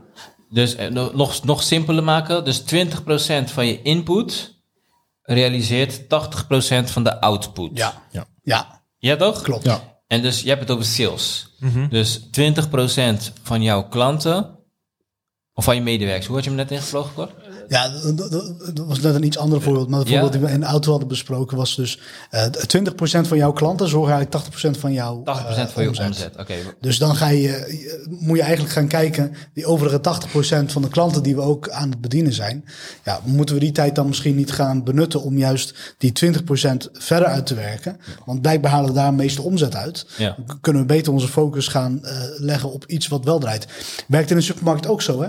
Een product blijft alleen op een schap staan zolang die blijft verkocht wordt. Als die niet bijdraagt, dan gaat die eruit. Ja. Dus ze kijken heel erg naar effectiviteit. Dus die paar vierkante meters waar een bepaalde chocolade of een drankmerk staat. liggen. Precies. Als, als daar een bepaalde doorloop is, dan blijft het product. Maar als het ehm, te, te weinig verkocht wordt, ja, ga eruit. Dan geven we de ruimte aan een ander product die eh, beter kan verkopen. Maar dat geldt dus op, heel, op veel meer gebieden dan eh, alleen sales. Hè. Geldt Zeker, ook gewoon, zeker. Als je kijkt naar je agenda, naar hoe jij je dag hebt besteed, 80 20% van hoe jij je dag hebt besteed, re- resulteert tot 80% van je resultaat wat je Ja. hebt. Ja. Dus dat je Ja. daar ook gewoon heel kritisch gaat kijken naar je agenda. Ja. Gewoon, dat je dat gewoon in kaart gaat brengen. Gewoon je agenda iets gedetailleerder bijhouden. Hoe heb ik mijn dag besteed en wat heeft me opgeleverd? Dat. Ja. Maar eh, ook het voorbeeld met eten bijvoorbeeld. Eh, Ik heb ooit gelezen of gehoord dat ongeveer 20% van datgene wat je eet, levert 80% van datgene wat je nodig hebt. Dus dat heb je qua voeding heb je dus dat. Ja. Maar dus ook gewoon zo kritisch naar je agenda kijken en keuzes maken. Ehm, Pareto. Wilfredo of Alfredo Pareto? dat klinkt niet Italiaans, zou ik hem zeggen. maar ja, je, weet, het eh, ik denk dat een paar Italianen, als ze dit horen, dat ze dan eh, denken, wow, wat is dat voor... eh Kill. Ga je doen, ik ben Cabo. We zijn niet bang voor Italianen. We zijn bang voor niemand. ja, maar dat geldt dus ook voor je vrienden. Ehm, keuzes maken in, in, in vriendschappen. Ja. Ja, Ehm, dat je, je cirkel noemt hij ook in het boek. Hè? Welke vrienden heb je om je heen? Wat brengen ze je? Ehm, maar ook kijken naar welke vrienden moet je misschien elimineren om die, om die stappen wel te maken. Om, elimineren Maar- klinkt wel ernstig, maar je bedoelt uit je leven... nee, ik heb het over één van elimineren in dit boek. ja. Ja, elimineren hoeft niet gelijk eh, van die vechts- of schietspelletjes te zijn. Dat je dat gaat eh, toepassen. Maar elimineren, maar ook gewoon ruimte creëren. Gevoelig, Time en space voor iemand die jou wel naar de andere kant kan brengen. Eh, een van de redenen waarom we met het boek, met de boekclub zijn begonnen, is Ja. ook om gelijkgestemden ook op te zoeken Ja. en, en bepaalde thema's te bespreken. Ik vind het heerlijk om over uh, koetjes en kalfjes te praten. Maar af en toe vind ik het ook wel leuk om over dit soort onderwerpen te praten. Ja, dat is een woord waar ik even bij stil wil staan. Gelijkgestemde. Eh, ik, ik merk ook, ehm, toch even een korte terugkoppeling nog naar, naar de, de situatie van vandaag. Dus het, het, het werken wat, wat vandaag is opgezegd. Eh, een van de punten wat ook heel erg tegenviel daar was, ik had daar ook geen gelijkgestemde. En dan merk je ook dat het heel moeilijk wordt om in een omgeving te bevinden waar je niet met gelijkgestemden bent. Ja. Dan ehm, de, de communicatie gaat niet soepel. Eh, ja, eh, als je kijkt naar algemene energie onderling, zit, ook, zit dat ook niet lekker. Je hebt ook minder goede klik met, eh, met die mensen. Ik wil niet zeggen dat, het, dat de mensen niet goed zijn of niet aardig zijn. Nee, het is gewoon het past gewoon niet. Er is geen chemie eh, tussen, binnen die groep. Dat is ook wat ik zei trouwens. Ehm, ik, ik, voel, ik voel gewoon geen binding met, met de groep, met, met de mensen, met het bedrijf. En daarom is dat gelijkgestemde ook heel belangrijk. Eh, als je, want als je die mensen om je heen hebt, dan ga je ook veel makkelijker stappen maken en verder komen. Iedereen die bij Toastmasters is geweest, eh, die we hebben gesproken van de gasten, allemaal zeiden ze van, oh, zeker als ze heel erg geïnteresseerd zijn in persoonlijke groei en ontwikkeling, allemaal zeiden ze van, oh wat is dit relaxed joh. Ik, ik wist niet dat er mensen zijn die, die elkaar zo konden helpen, ondersteunen en supporten. Ja. En dat, dat is ook een beetje het idee van Toastmasters, wordt ook in boeken toegelicht. Het, hele idee van applaudisseren is om elkaar juist eh, t- die energie te geven en echt oprecht willen, te willen helpen om, om verder te komen. En dat, dat geapplaudiseerd worden, dat is echt schaars hoor. Het, is, het is echt in schaarste te vinden. Maar iemand had een keer was een gast, ik weet niet meer wie dat was. Er was een dame die kwam toen te gast en die zei van, ik vind het wel cool, ik vind het echt superleuk, maar het, het heeft wel iets van een combinatie van een AA-meeting en een Tony Robbins Ja, congres. ja, ja. Zo van, Ja. daar, daartussen zit het, zei ze van. Ik vind het wel, ik heb het echt nodig, zei ze ook. In alle eerlijkheid, de eerste keer dat ik kwam als gast, had ik ook wel hetzelfde gevoel. Dat het een beetje een het, wat zijn het voor freaks? Ja. Wat zijn het voor freaks? Zitten elkaar te pushen om te groeien. Ja, dat is echt mooi. Maar dus eh, onderzoek voor jezelf, dus in je business, in privéleven. Welke, wat is 20% van je klanten, van je partners, van je advertenties, dat 80% van jouw eh, resultaat oplevert? Of, maar het kan ook problemen zijn, hè? Welke 20% van de mensen levert 80% van de problemen? Ja. Zo kun je ook kijken. En, en de opdracht is dus om denk aan elimineren, om daar dat dus te gaan elimineren de Ja. komende periode. Stap voor stap. Hoeft niet gelijk cold turkey. Kan. Waarom heet het eigenlijk cold? Oh ja, tuurlijk. ik denk ik Baris aan terwijl ik zeg cold turkey. nee, maar even, of, ja, maar probeer dus onderzoeken voor jezelf. Wat is dat? En, en, en begin afstand te nemen. Waardoor je ook weet in welke 20% wat 80% oplevert. Je wel moet eer investeren. Want als je daarin investeert, die aandacht. En datgene elimineert wat, je, wat niet datgene oplevert wat je wilt hebben, wat je wilt hebben, ga je van 20% levert 80%, ga je naar 40% levert 160%. 60 levert 240, ik was aan het hoofd rekenen.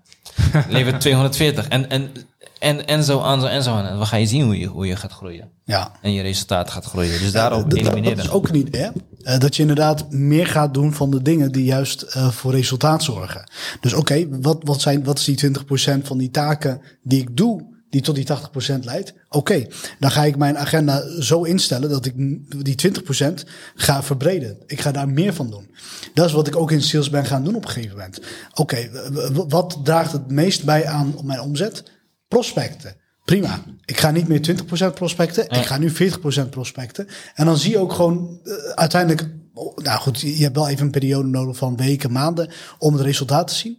Maar als je dan een meetpunt neemt, dan zie je ook echt het verschil. Op het moment dat jij de keuze maakt om meer van het werk te doen, die leidt tot het resultaat die je wilt bereiken. Ja, 100% mee eens. En dat geldt op, op, op sales, dat geldt ook voor voeding. Kijk naar sporters die dat heel efficiënt of eff- effectief kunnen toepassen. Is dat ze aan meal prepping doen. Dat ze bepaalde, dat ze bijvoorbeeld elke dag kipfilet eten met uh, dopertjes en een, een soort van zilvervliesrijs. En dat elke dag. Omdat ze weten dat die 20% is wat 80% levert van wat ze nodig hebben Ja. voor hun gevoel. Snap je? Dus dat, zij past dat ook toe. Uh, adverteerders doen een idem dito. Die, die testen dingen uit. En ze zien dat een bepaalde advertentie levert dit als resultaat. Dan stoppen ze op een gegeven moment bepaalde andere advertenties. Vandaar dat ze die AB-testen doen.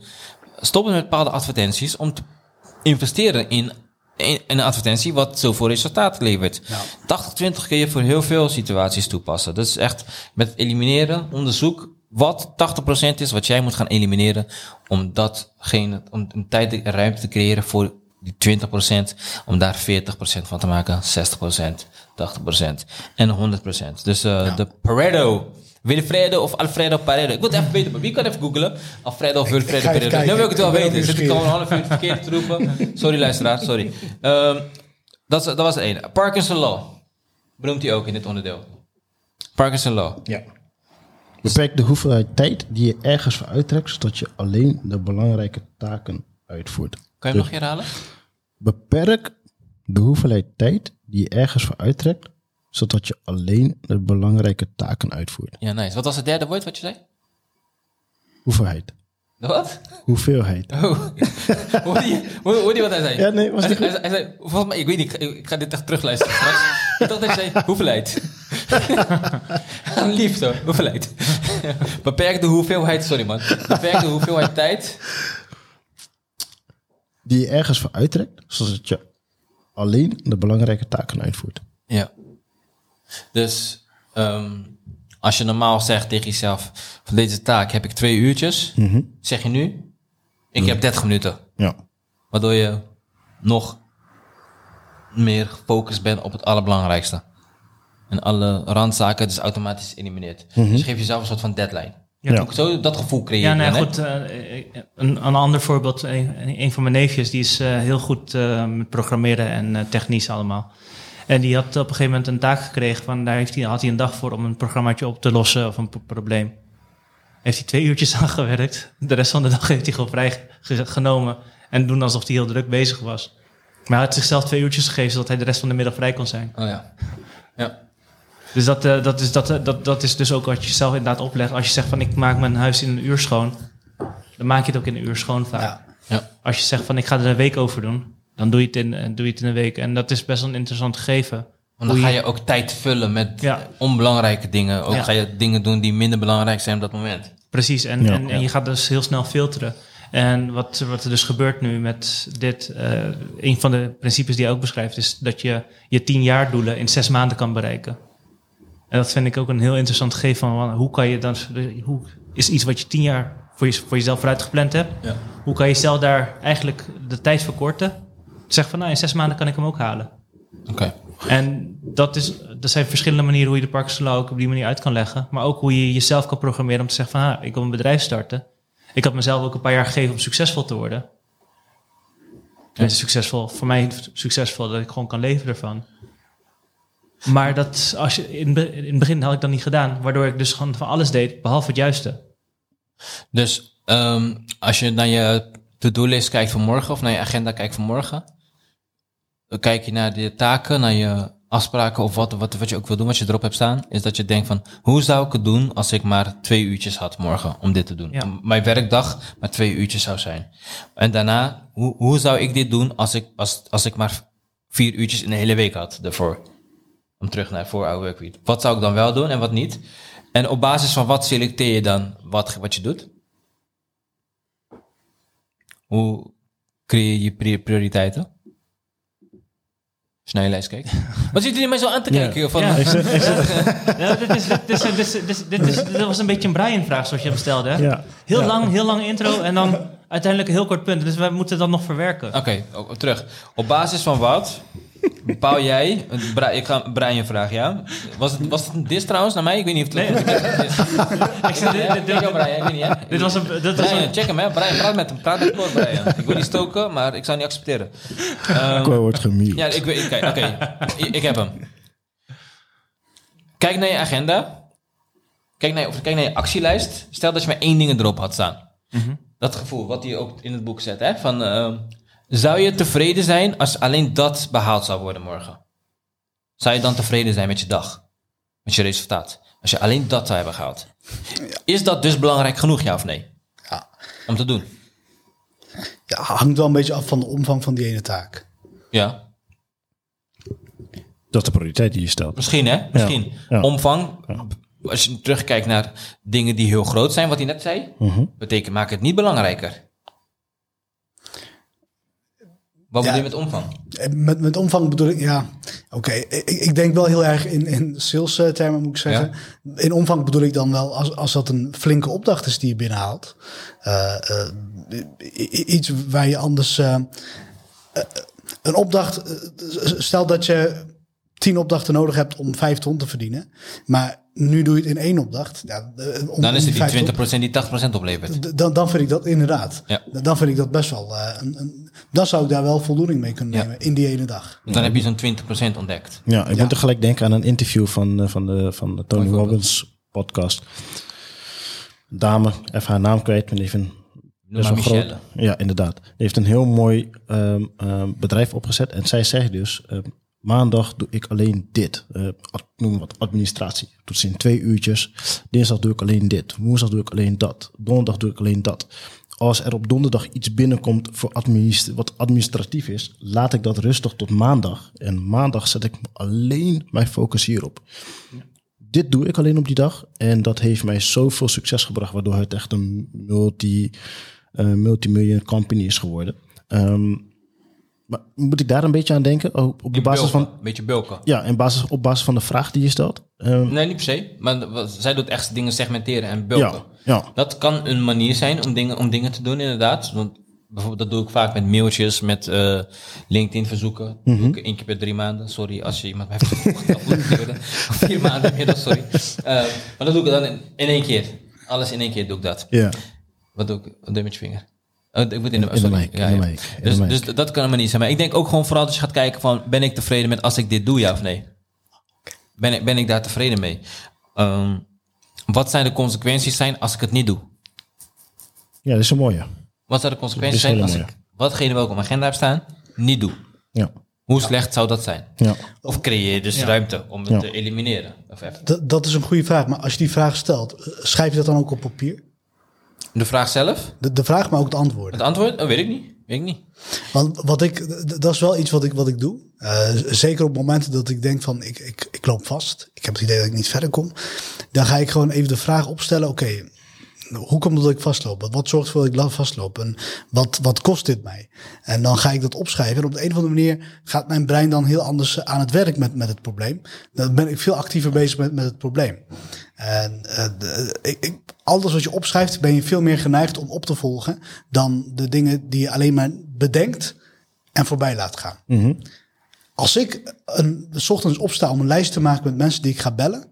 En ik zet die namen echt expliciet op, op mijn lijst. Heb ik ze aan het einde van de dag allemaal gebeld. Of in ieder geval een poging gewaagd om ze te bellen. eh, m- Voicemail ingesproken. Maar als ik zeg van, eh, ik ga vandaag tien mensen bellen. Nou, dat zijn die en die en die, die namen. En ik, ik denk er alleen maar na in mijn, in mijn gedachten. Ik zet ze niet op papier.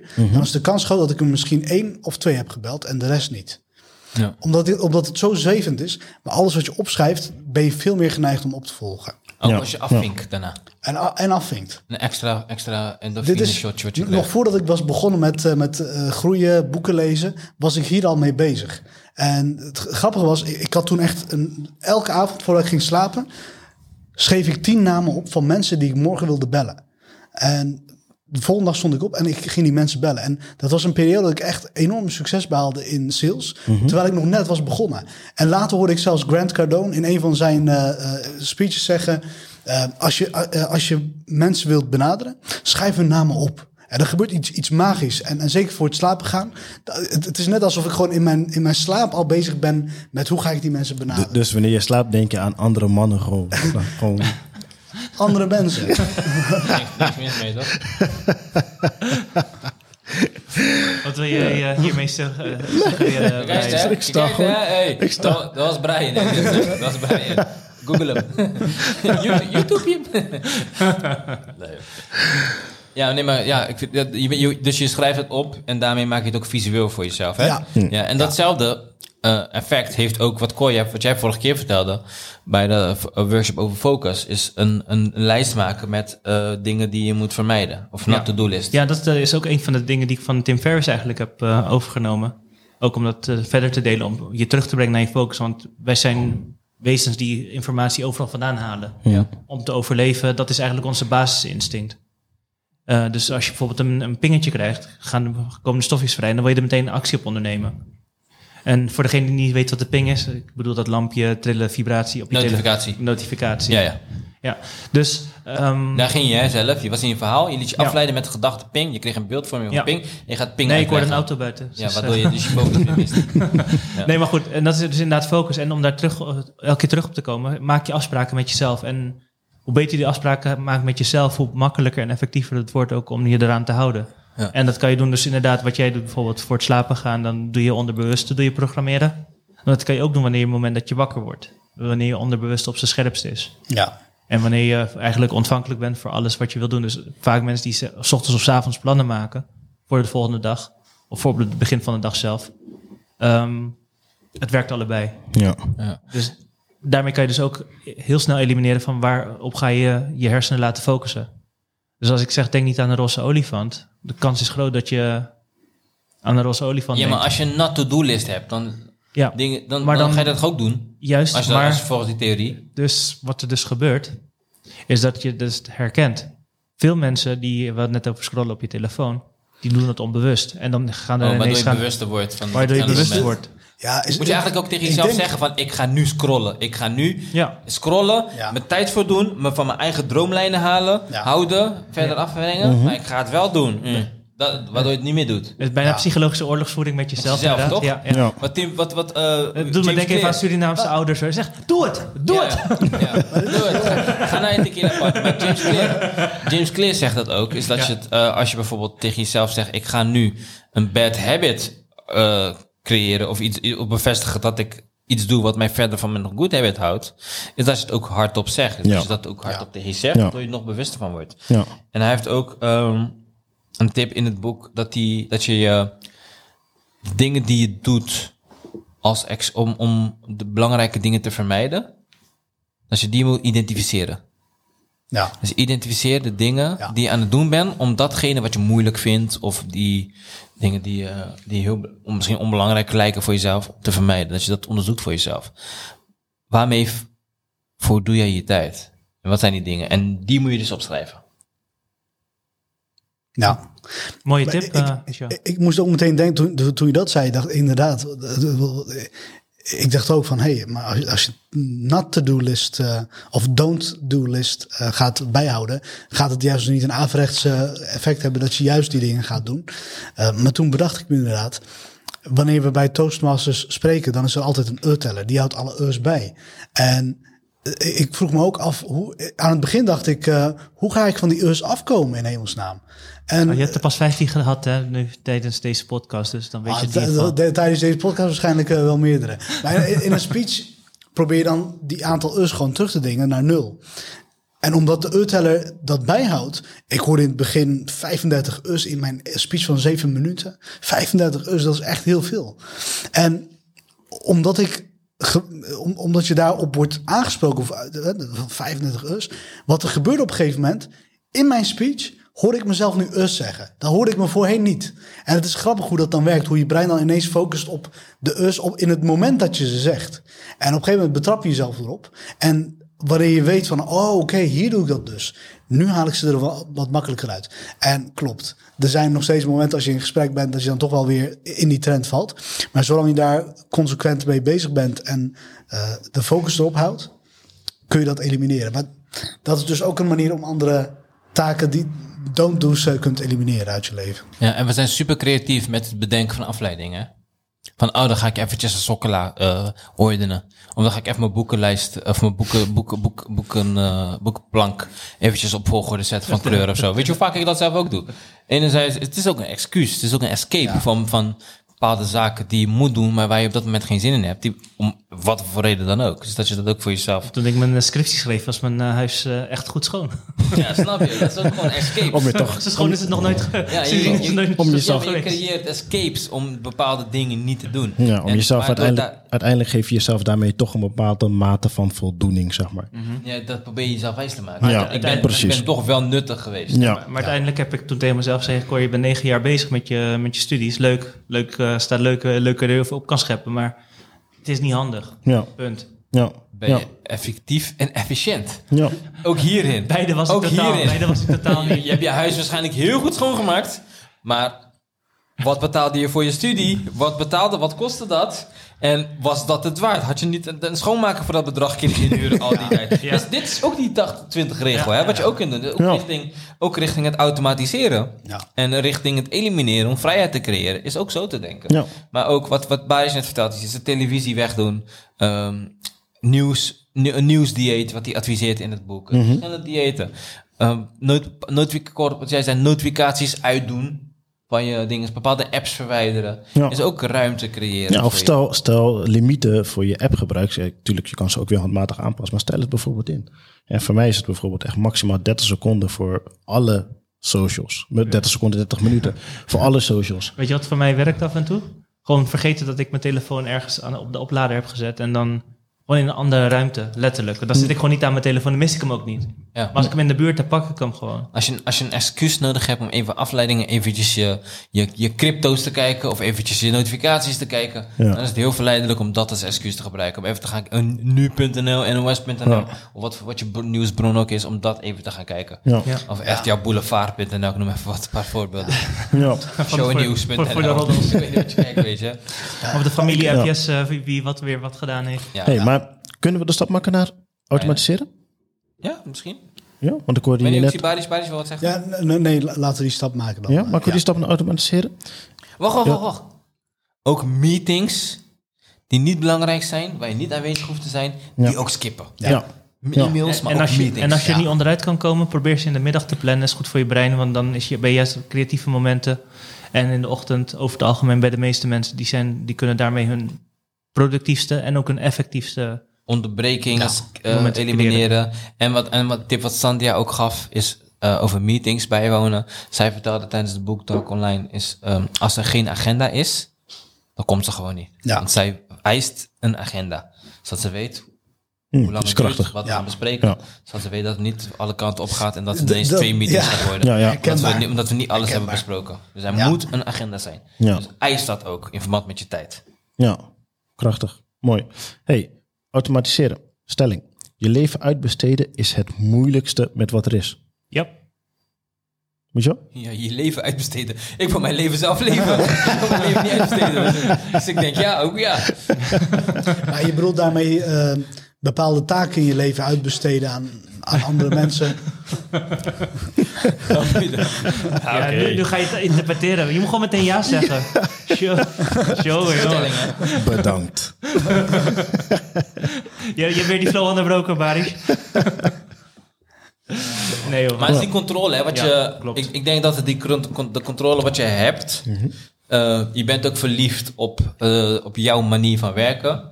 Of je bent ervan overtuigd, of je probeert jezelf in te geloven, of als je gelooft of niet, in je eigen product, in je eigen diensten. Je bent verliefd op jouw stijl. En dan is het heel moeilijk om het los te laten, want eh, oh, het kan iets heel, iets heel simpels. Een schoonmaakster inhuren. Ja. Als jij, je- als jij zo overtuigd bent van dat jouw manier van schoonmaken het best, de beste is, ga je het heel moeilijk vinden. Want dan ga je een schoonmaker en daarna ga je het opnieuw doen. Als hij net weg is, ga je zeggen, nou, de volgorde klopt niet, want alle kopjes zitten toch zo. Dan ben je alsnog alles aan het herordenen. Eh, kijk naar kleding. Eh, eh, als iemand anders ineens jouw kleding gaat vouwen, hoe jij, dan hoe jij het altijd hebt gedaan, dan past het niet meer op de manier waarop jij het in je kast had.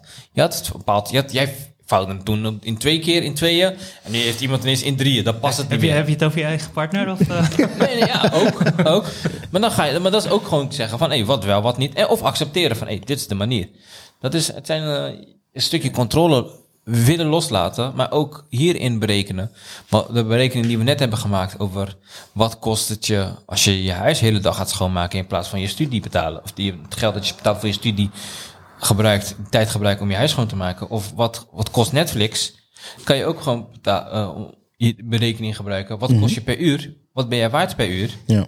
En moet jij dan wel datgene doen waar je iemand anders voor kunt huren? Ja. Die dat voor 5 euro, 10 euro, 20 euro zou kunnen doen voor je? Ja, ja en, eh, en ook denk, kijk, eh, we denken vaak in schaarste eh, om dingen uit te besteden. Stel je voor, je bent net met je bedrijf begonnen of je bent nog niet heel lang bezig, maar je merkt al dat er heel veel aanvragen binnenkomen of heel veel eh, dingen waarmee je, moet dealen.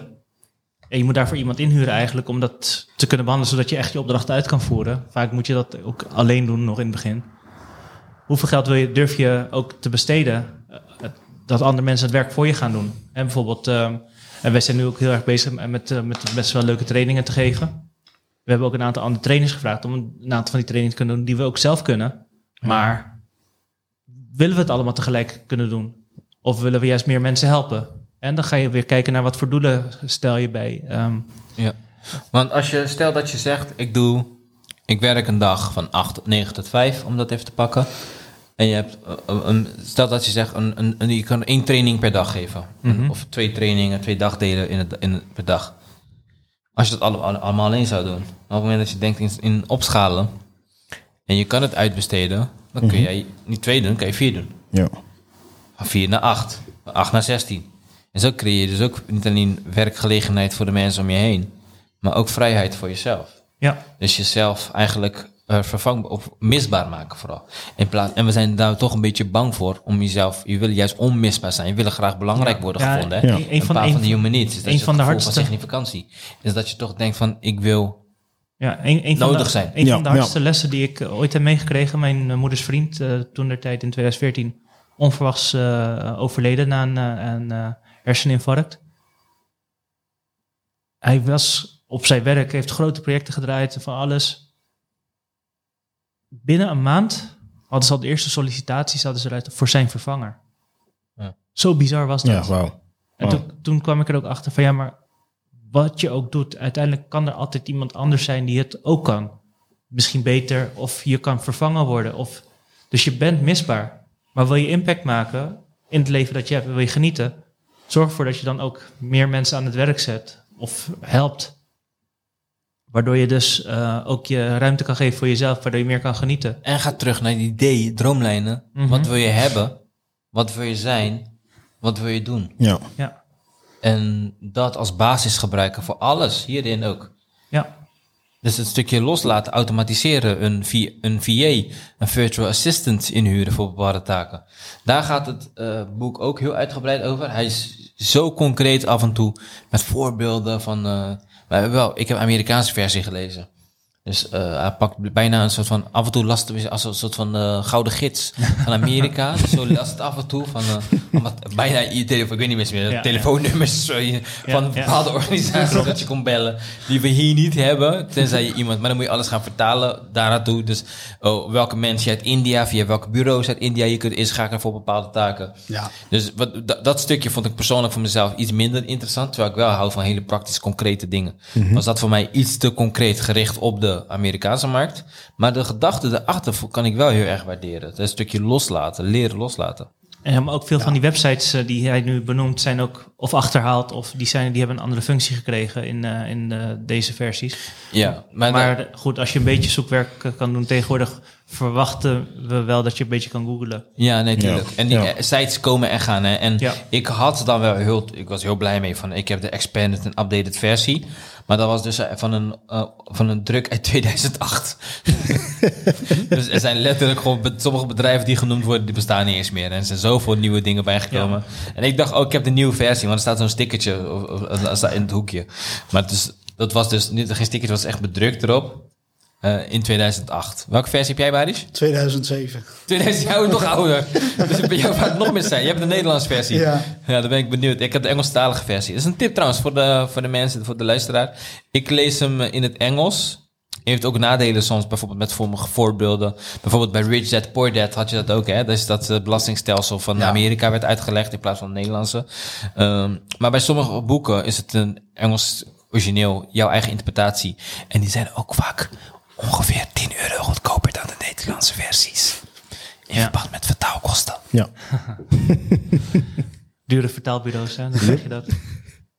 Maar het leest wel makkelijker soms Nederlands. Waardoor je niet eh, bepaalde dingen, voor mij dan hè, bepaalde dingen hoeft op te zoeken en zo. Ja, het, hang- Dus het hangt inderdaad vanaf vanuit welke visie je het leest. Eh, kijk, Ja. eh, als je gewoon puur kijkt naar het boek aan zich, de basisprincipes kan je in elke taal, kan je dat, eh, zijn ze universeel, vind ik. Ja. Ja. En zoals Ja. hij het ook omschrijft, kijk, de, de, de specifieke hoe met automatiseren. Kijk, eh, tegenwoordig, eh, zeker voor ondernemers, eh, wat kan je allemaal automatiseren? Ehm, een van de dingen is social media. Niet om zelf te kijken, maar om bijvoorbeeld zaken te pu- publiceren. Mhm. Er zijn heel veel manieren waarop je dat kan doen. Tuurlijk moet je de content deel zelf bedenken, maar ook daar zijn heel veel, een aantal tools voor die gewoon een, een deel voor je uitdenken, waardoor je het Ja. alleen hoeft aan te Ja. passen met minimale dingen. Ehm, eh, Michel noemde net al een VA, gewoon iemand wie is een, eh, wie is een goede VA. En Michel zit hier lollig te doen omdat ik niet te veel aan het praten ben. Maar eh, kom dan, kom. dus ehm, en eh, verder, ja, en ook inderdaad manieren bedenken. Constant blijven kijken van goed, wat moet ik wel doen en wat niet en wat gaan we dan uitbesteden. Dus Ja. wat, heb jij nog wat gedachten erover? Kan je, kan je, Ja, zou, zou je het verkoop kunnen uitbesteden? Ja, kan. Kan. Het gebeurt ook. Er er zijn bijvoorbeeld ondertussen ook gewoon bureaus die eh, zelf echt eh, prospecting doen. Of in ieder geval eh, zeggen van eh, wij gaan in gesprek met het bedrijf. En dan zeggen van oké, wat is jullie product? Wat doet jullie product? Welke waarde levert jullie product? En Michel, ga je het schieten? Michel zit hier als een twaalfjarige met een elastiekje. Ik zeg, ik zeg doen. Ik zeg doen. Ik zeg doen. Maar maak je verhaal We worden, we worden helemaal zenuwachtig. We worden- ze vergeten hun verhaal. Iedereen staat op scherp. De power van een, de power van een klein stukje plastic. ja. Ehm, Je bent hem kwijt, hè? nee, ik ben hem niet kwijt. Ja, over uitbesteden, sales, bepaalde dingen uitbesteden. Ja, Dat beetje speech er zijn bedrijven die, die je kunt eh, benaderen en zeggen van oké, dit is ons product. Dit lost het op en dit is de markt. Of dit zijn de potentiële bedrijven waar we terecht kunnen. Dan zeggen ze oké, prima. Dan gaan wij voor jullie aan de slag. Maken we een lijst van 100 bedrijven. Gaan wij gewoon structureel die bedrijven benaderen. Totdat wij afspraken maken voor jullie. En goed, dat is dan eigenlijk een stukje prospecting wat je uitbesteedt. Omdat je dat zelf niet wil doen. En je wilt je tijd ergens anders aan besteden. Ehm, dat, dat is bijvoorbeeld een manier. Dus je kunt ook sales deels kun je uitbesteden. Ja. Uiteindelijk moet je de contacten wel zelf binnenhalen. Maar voordat je dingen gaat uitbesteden en automatiseren, zegt hij ook van je moet eerst elimineren. Ja.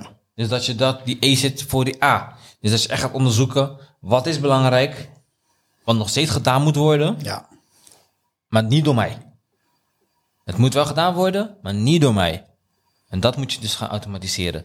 En de rest elimineren. Dus niet denken Ja. van, oh, dit vind ik niet leuk, dit is niet belangrijk, ik ga dit uitbesteden. Is ook zonde. Zonde had ook iemand- geld. ik Dus had ook iemand in mijn netwerk, eh, die werkt bij een bedrijf. En eh, dus het motto was, eh hate it, automate it. Dus als je het haat, automatiseer het dan. Ja, eigenlijk moet hate it, eliminate it. Dat is niet, ja. Ja. eigenlijk niet. Ja, bijna wel, maar eigenlijk moet je ook gaan kijken, is het belangrijk voor mijn business? Ja. Hate it? Oké, oh, maar ja, dat is een goeie. Maar als het belangrijk is, als het belangrijk is. Anders moet je het elimineren. elimineren. En heb je, heb- gebruiken jullie nog tools of eh, eh, mensen om eh, dingen te automatiseren in je wij- huidige werkzaamheden? Wat gebruik jij?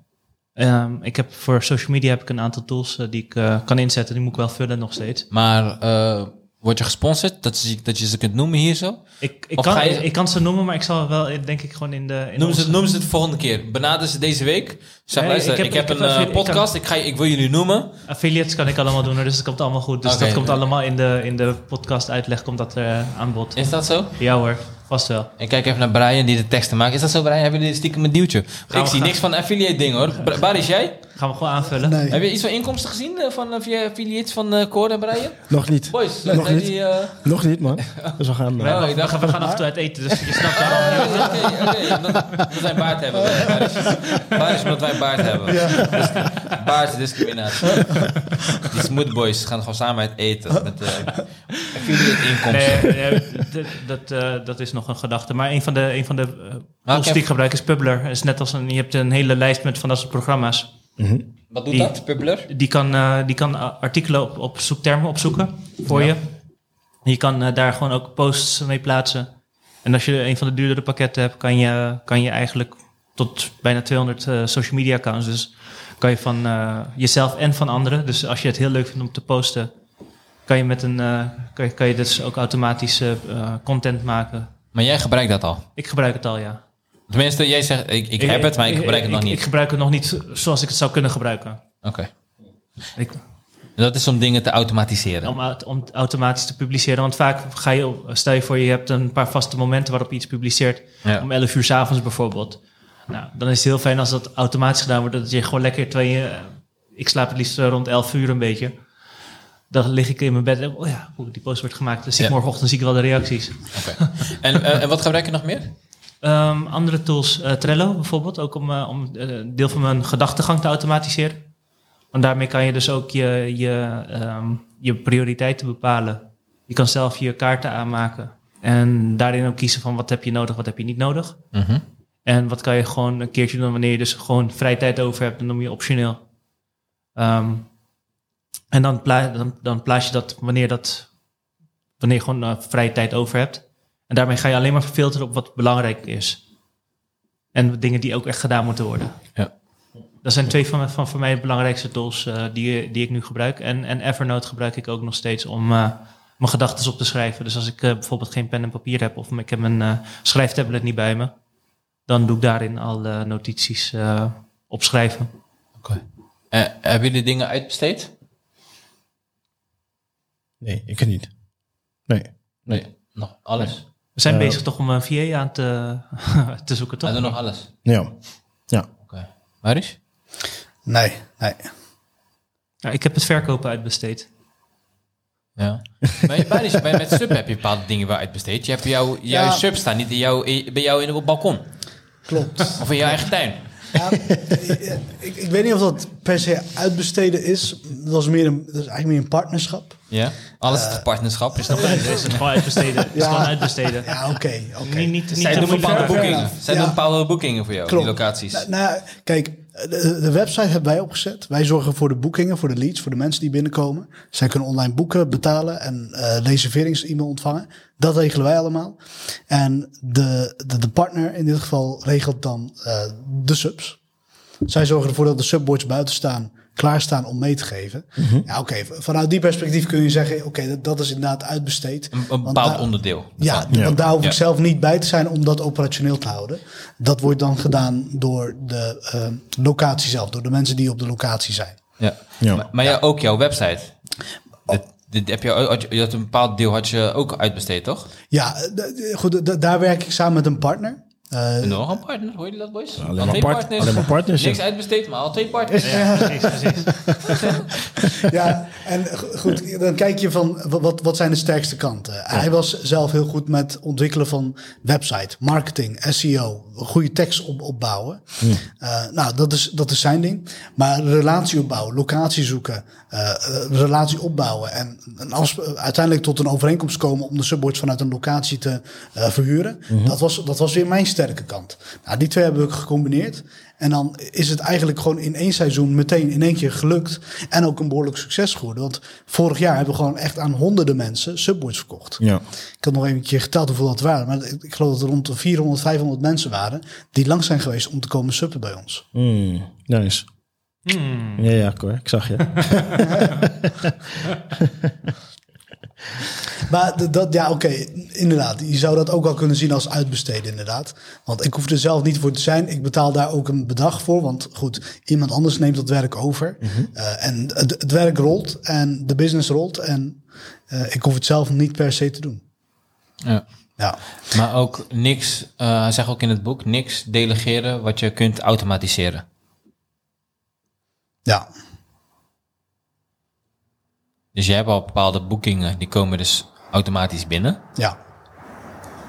En dat gaat dus naar datgene, diegene die, aan wie je het hebt uitbesteed. En je hoeft ook niet alles altijd uit te besteden. Het kan ook een onderdeel van zijn. Je kan ook gewoon een, ehm, bepaalde onderdelen aan elkaar geven. Van, Ja. hey, ik doe dit, jij doet dat.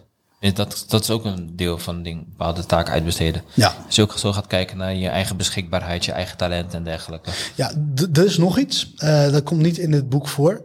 Ehm, optimalisatie. Eh, dat is wel iets waar we tegenaan liepen. Want het concept dat we hadden was, het werkt. Alleen, we liepen ergens tegenaan. Want wat er gebeurde, het rek wat die, die we daar neer hebben gezet, ja, dan kon je de subboards mooi opstapelen. Maar het probleem was, mensen kwamen terug met de subboards. En die legden ze niet mooi terug in, in, in het rek, maar die legden ze gewoon naast neer. Wat, wat je dan kreeg, is, je, je kent het restaurant daar bij, bij, bij de boulevard. Al die subboards die stonden daar gewoon op de voetgangerspad. En dat zag er slordig uit, het zag er niet netjes uit. Het is ook niet hoe je wilt representeren naar buiten Nee. toe. Dus ik dacht, oké, dit is wel een structureel probleem. En het restaurant zegt, ja, maar wij hebben het wel druk. En wij kunnen niet, eh, eh, zeker op piekdagen, als het warm wordt, zit het hele terras vol bij hun. Dan kunnen ze ook niet eh, mensen gaan missen om die subboards nog eens allemaal goed te zetten. Want over tien minuten komen de volgende weer. En dan worden weer meegenomen. En dan kom- komen ze op dezelfde manier terugbrengen. Dus eh, daarin loopt het proces nog niet soepel. En dat moeten we optimaliseren. Dus nu moeten we ervoor zorgen dat eh, het, het, het, niet het rek, maar eventueel het, het kist of wat dan ook daar komt. De subkist waar we het net over hadden. Moet veel, makkelijk, veel toegankelijker zijn. Mensen pakken de subboard, leggen, leggen het erin, doen het op slot en brengen de sleutel terug naar binnen, geven het daar af. En dan is het beter geoptimaliseerd.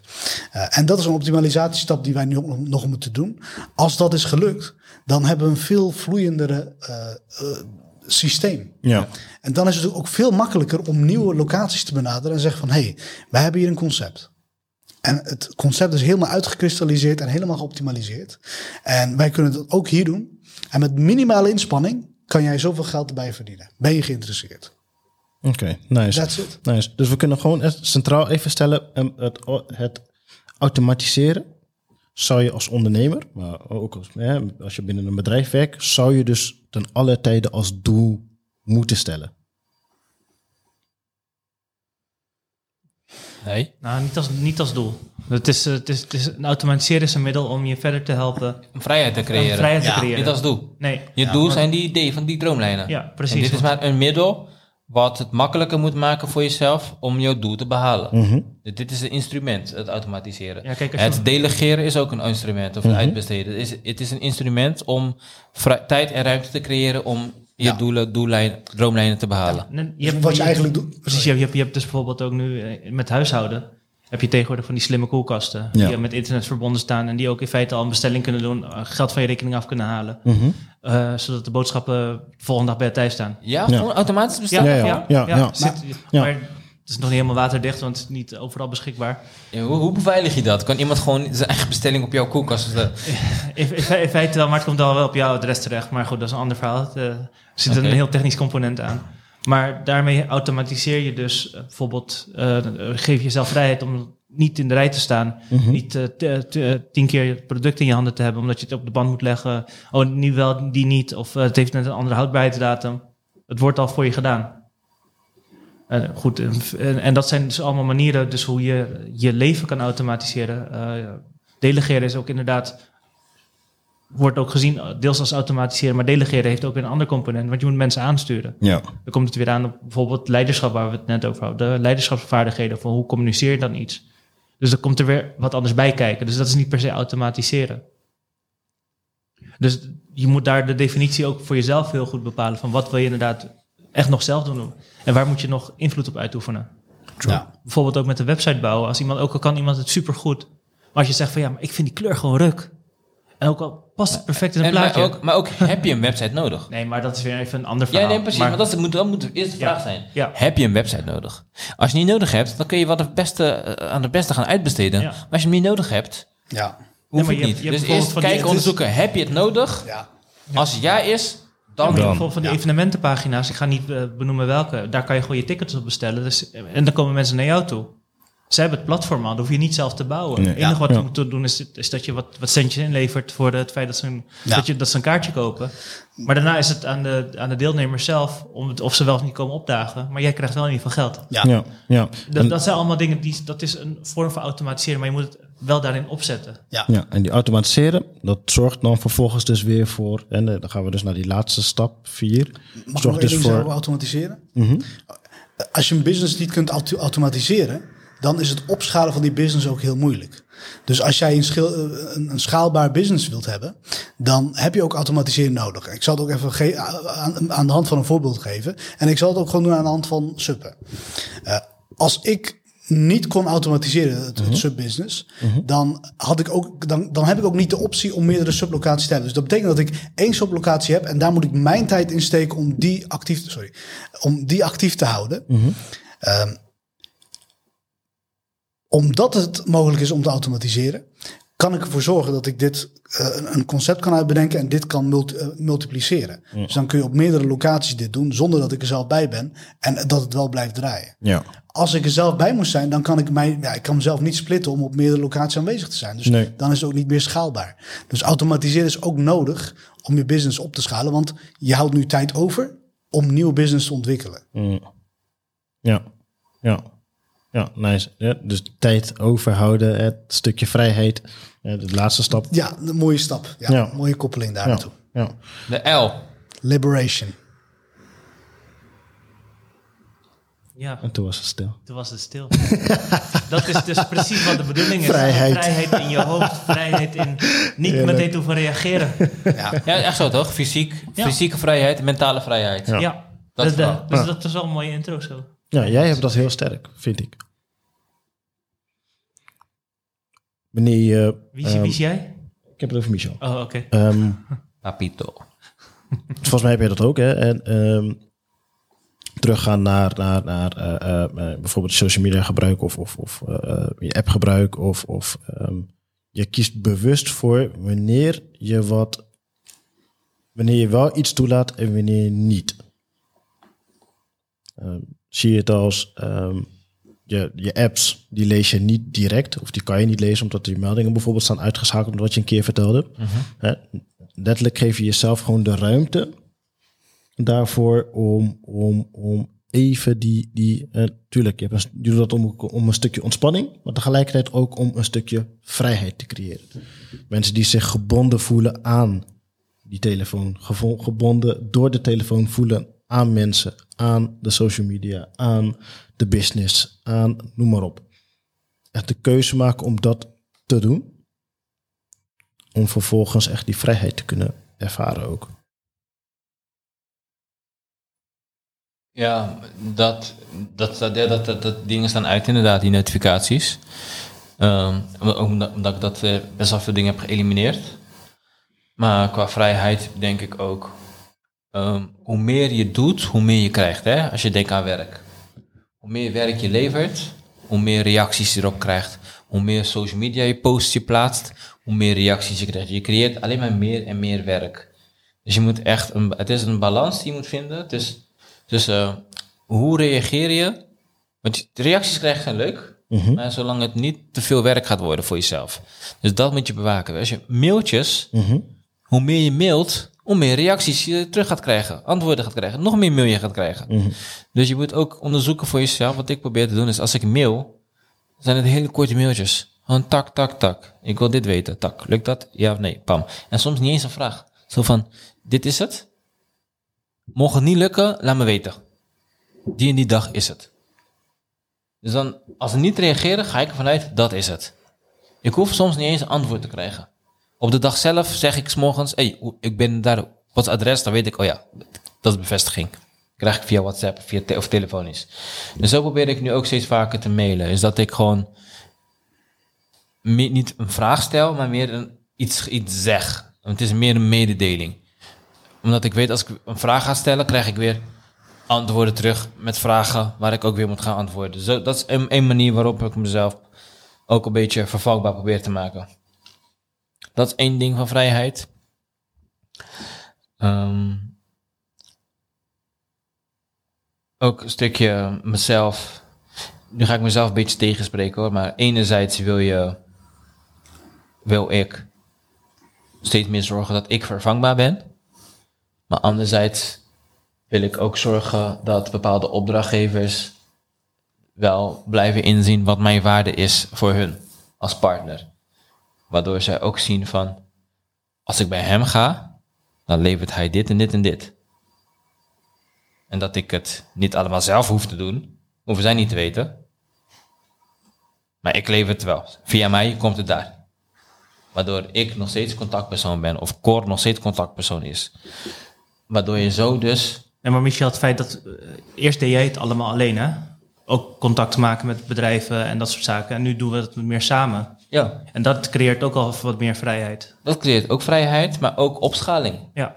Voor mij, voor jou, Mhm. voor alles. En ehm geldt voor heel veel dingen. Voorheen kwam alles in, eh, via via in mijn mailbox.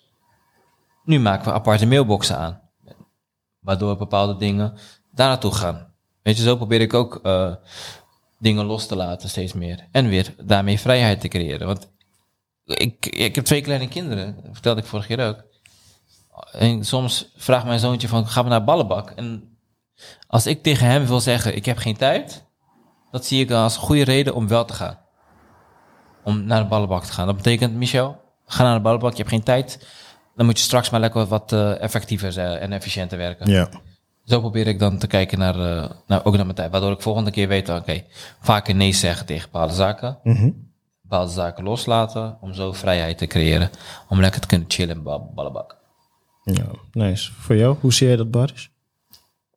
Het stukje vrijheid. Mhm. Ja, voor mij is eigenlijk de definitie van vrijheid altijd geweest om, nou goed, het ligt heel erg in lijn met eh, het boek van Robert Kiyosaki, Rich Dad Poor Dad, is eh, en ook het, het spel wat we ons nog- overigens nog een keer moeten spelen. Het groeiboek van november was dat, hè? Ja, November 2021. eh, dat je eigenlijk ehm, gaat werken, eh, of, of niet gaat werken, eh, je geld gaat investeren totdat je genoeg passief inkomen genereert om jouw levensstijl te onderhouden. Ja. Vanaf dat moment ben je ook financieel vrij. Maar dan heb je ook echt alle tijd en vrijheid om gewoon te doen wat je wilt. En eh, dat is wel een vorm van vrijheid waar ik naartoe wil. Dat, dat, dat geeft gewoon zoveel ruimte en, en rust ook in je leven. Dat je daarna gewoon kunt kiezen wat je wilt gaan doen. Ja, ja, ja. Ehm, Was het voor jou, Brian? Hmm. ehm, vrijheid te kunnen ervaren om eigenlijk gewoon echt nog meer in ehm, er kunnen zijn voor degene voor wie ik er op dat moment gewoon kan zijn. Voor mijn familie, voor, voor mijn gezin, en mijn kinderen. Maar ook gewoon voor de mensen eh, eh, in, de, gewoon in de maatschappij. Op het moment dat je daar gewoon nodig bent, dat jij de keuze kan maken om daar te zijn. Ja. En niet omdat je toevallig een deal met, met, met een bepaald bedrijf hebt gemaakt en daar dus er voor die mensen mag zijn, maar echt er voor die mensen te zijn, omdat ze gewoon letterlijk jou letterlijk nodig hebben. Eh, wanneer je op straat loopt en dat je dus de tijd kan maken met iemand, hè, want soms komt wel eens iemand op, eh, komt iemand op je pad, hè, gewoon, bet- die komt gewoon op je pad. En ehm, dat jij gewoon echt die keuze kan maken door even te connecten met die persoon. Wat gewoon echt een, misschien wel gewoon een levens, levensveranderende situatie kan zijn op dat moment. En niet het gevoel hebben van, oh shit. Eh, oh, mag ik schelden? Nee, ja? Nee, niet? Nee, niet meer. Ja, dat je doordat je dingen niet geautomatiseerd hebt, bepaalde dingen niet geëlimineerd hebt, gewoon je, je, je dromen niet helder gevisualiseerd of, of echt strak ehm, geschreven hebt en, en, en dat niet leeft, dat je constant in die gehaastigheid blijft leven, dat, dat geheide gevoel. En daardoor dus ook gewoon geen tijd, echt bewust geen tijd kan maken voor mensen. Dat je bij je familie bent en terwijl je bij je familie bent, ben je eigenlijk in je gedachten met heel veel andere dingen bezig. Ehm, Hangt er vanaf bij wat voor, wat voor familie je hebt. Als je een liefdevolle familie hebt, dan is het niet aardig. Ik- maar als ik je ga daar niet veel... eh, Laten we ervan uitgaan dat je inderdaad liefdevolle familie hebt. Eh, want ook dat, hè. Ja, het is lastig, je kan het niet elimineren. Maar je maakt wel bewust de keuze om met, met liefdevolle mensen om te gaan. Of het nou familie is of, of, of vrienden of wat dan ook. Maar die keuze maak je bewust. Dus dat is voor mij echt mijn meest ultieme vorm van vrijheid. hmm.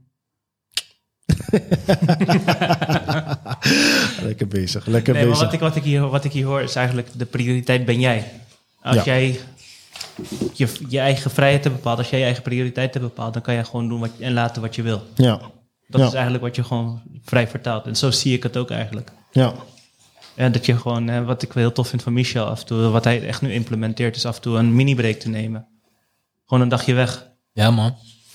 En, en dat, dat zijn dingen die gewoon heel belangrijk zijn. Ook gewoon regelmatig vakantie. Kijk, je hoeft niet meteen eh, heel duur uit, uit te pakken. Maar je kan ook gewoon zeggen van ik ga gewoon even twee dagen inderdaad even Brabant. precies. En dat scheelt gewoon ook Soest. ook tijd. Gewoon eh, twee dagen even eruit. Even zon, zee, ja, zon niet, strand. Gewoon strand. strand, wind en regen. Strand, windregen eh, met af. Maar ook de duinen, hè. Gewoon, waar was het ook weer? In Brabant heb je ook van die eh, Loonse duinen, Loonse zo? duinen. Loonse Loonse of Drunense duinen. duinen. Ja, bij Soest heb je duinen. Weet je, eh, eh, strand, Zeeland heb je gewoon mooie plekken. Ik, kijk, en dat is met die, met die coronaperiode achter ons. Ik weet niet wanneer het luistert. Misschien luistert het in het najaar, is het weer terug. Ik hoop het niet, laat me kloppen. In dit moment, april, niet. niet, niet, niet. Dus nu niet. Nu niet, hoop ik. Straks ook niet, hoop ik. Ehm, dus door, door deze periode ben ik echt op, av- op avontuur gegaan.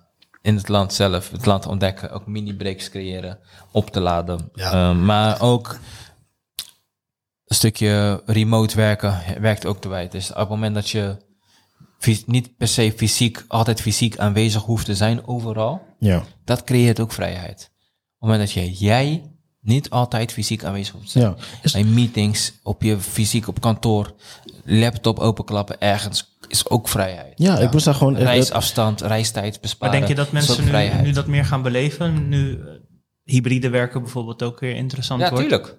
Steeds meer organisaties die eh, richten zichzelf zo in. Hè. Ze hebben nu de afgelopen jaren, afgelopen twee, anderhalf jaar, hebben ze hun eh, VPN's eh, opgeschaald. Ja. Waardoor ze gewoon goed veilig kunnen werken, veel organisaties.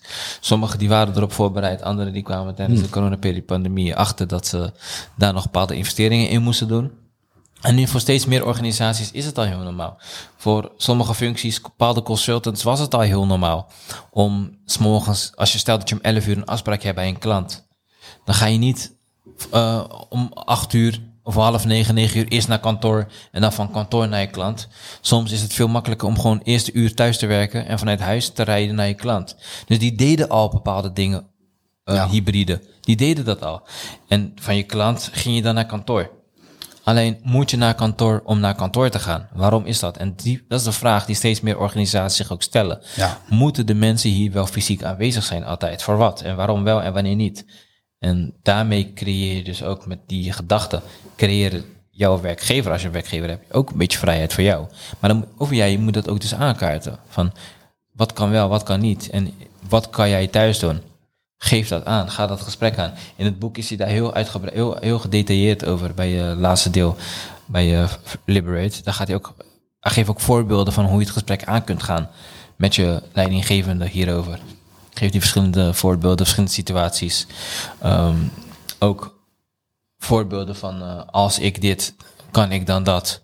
Als ik zorg dat dit, kan ik dan dat. En heeft hij ook gewoon, eh, kan je bijna copy-pasten als je het gaat mailen. Maar, ik Ja, wel- maar, dan, maar hier kom je ook weer terug prioriteit van naar jezelf toe. Wat vind, jij, wat vind jij belangrijk? Wat is jouw droom? Wat is, elke keer kom je terug bij jouzelf prioriteit maken om True. dit te kunnen doen, True, toch? True, true, true. Maar tegelijkertijd, als je nog in loondienst bent en je kan die stap nog niet maken, Mhm. van, je, van, van ehm, ont- ontslag nemen om voor Nee, nee, jezelf. maar- maar niet iedereen niet- heeft die niet- ambitie, hè? Maar, ik bedoel niet per se ontslag nemen, maar bijvoorbeeld ook in jouw huidige werkzaamheden. Ja, bij alle- dat je ja, niet altijd aanwezig hoeft te zijn of dat jij eh, niet per se naar kantoor hoeft te gaan. Dus dat jij door jezelf eerst prioriteit te maken. Want het gaat niet om hoe, eh, wat voor, of je nou ondernemer bent of dat je werknemer bent. Dat maakt even voor mij niet zo heel veel uit. Het gaat erom gewoon van, je stelt voor jezelf prioriteit van, oké, ik wil beter voor mezelf zorgen. Ik wil wat bijvoorbeeld, in plaats van twee uur in de file staan, wil ik gewoon zeggen van, ik wil een uur later beginnen, maar dan werk ik eerst uur al thuis. Zodat ik dan maar een half uur in de file sta in plaats van twee uur. Ja, ja. Bijvoorbeeld Maar- dat soort dingen. Dus dat je dat. dat maar dat, moet je dat dus. Dat, moet je, maakt. dat bespreekbaar, maar dat moet jou, jou, jouw leidinggevende of jouw werkgever, als je loondienst bent, moet daar ook de waarde van inzien. Mhm. Door dat uit te leggen aan hem van, hé, als ik een uur later kan beginnen hier, kan ik het eerste uur thuis werken, ben ik maar een half uur op de weg, minder file rijden, winnen we tijd samen. En, en milieuvriendelijk. En hij, want een werkgever heeft ook zoiets van, leuk voor je, wat heb ik eraan? Die Ja. kijkt ook zo naar dit soort thema's. Ja, ja, ja. Ja, waar? Wat heeft een werkgever eraan? Daarom luister ik ook dat, de podcast over, over ehm, how to win friends and influence people. Dus op het moment dat jij de ander kan overtuigen dat diegene ook iets wint hieraan, er ook iets aan heeft, dan maak je de kans groter dat dit voor je gefixt gaat worden op het moment dat je in loondienst bent. Ja. Ja, wat? Mijn eh, Ja, tijd ja bij, baas. Mijn eh, tijd Nee, bij... ja, nee so- sorry, Buis. Maar hij zei ja, er komt een verhaal, dacht ik, maar hij, dropte geen verhaal. Ja. Ja. Ehm, de, mijn tijd bij Sysmax was, was heel erg, eh, de- de- eigenlijk zoals je net omschreef.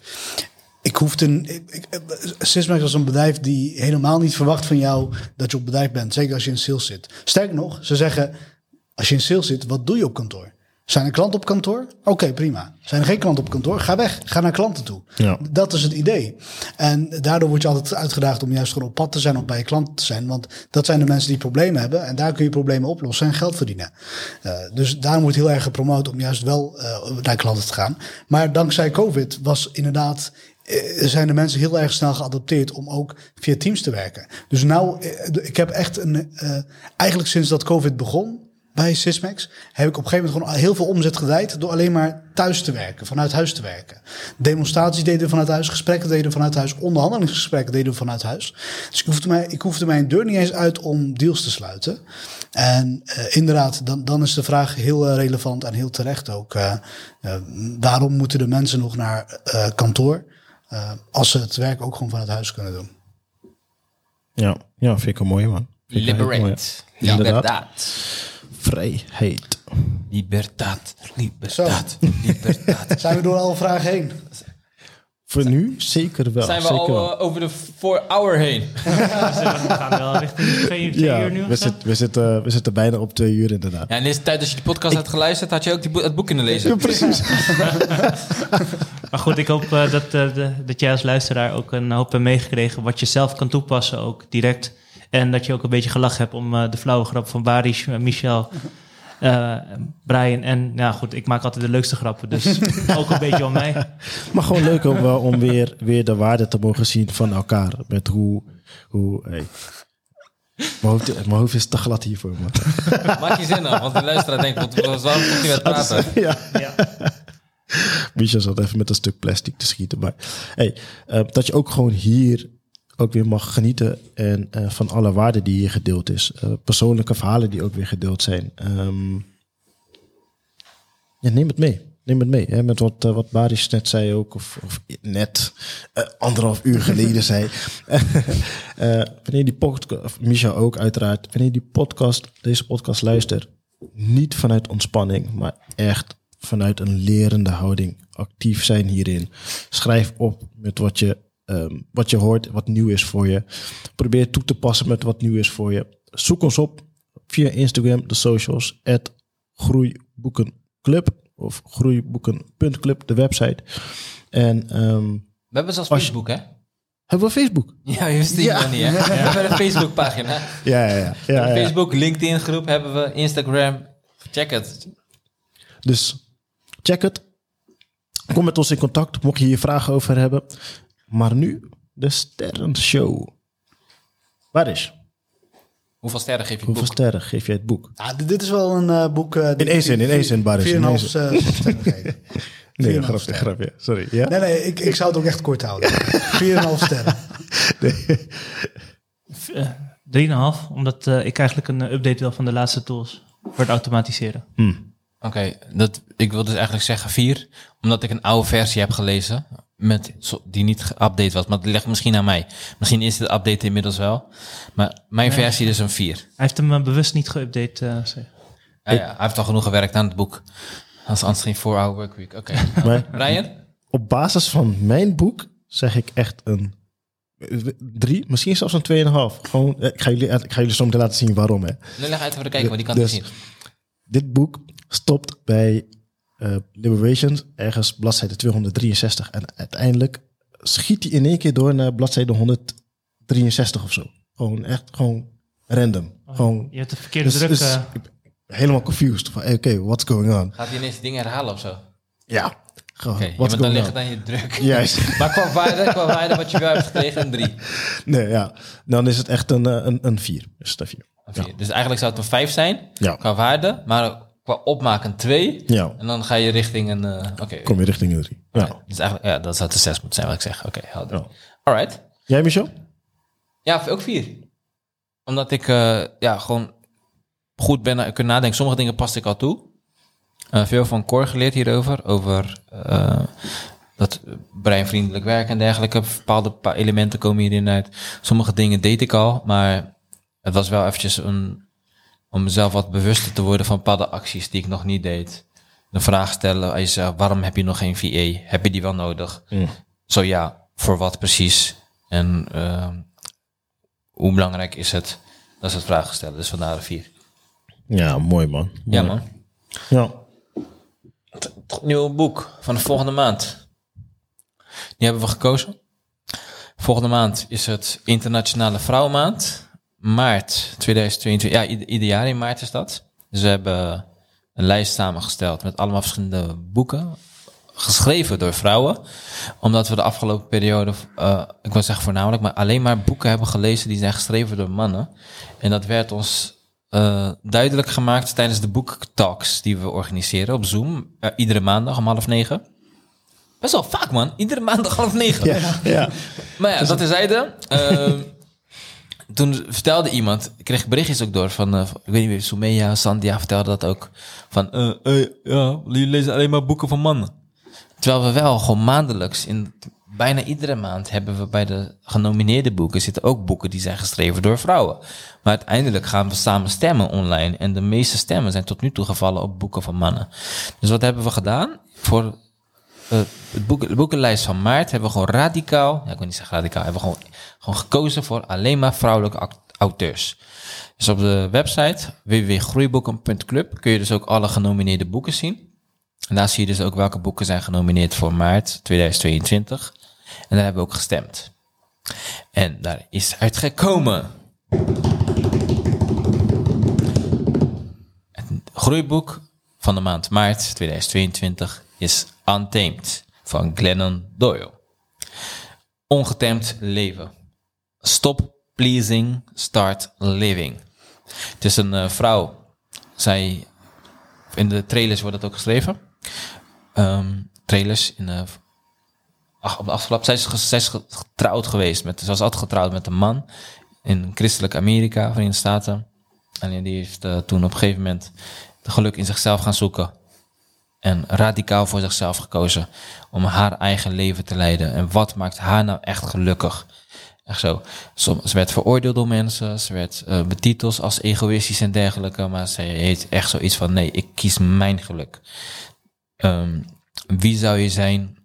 Wie, wie was je voordat de wereld had gezegd wie je hoort te zijn? En daar geeft zij antwoord op in dit boek. We zijn heel benieuwd naar de lessen uit dit boek. Ook onze eerste boek dat geschreven is door een vrouw deze maand.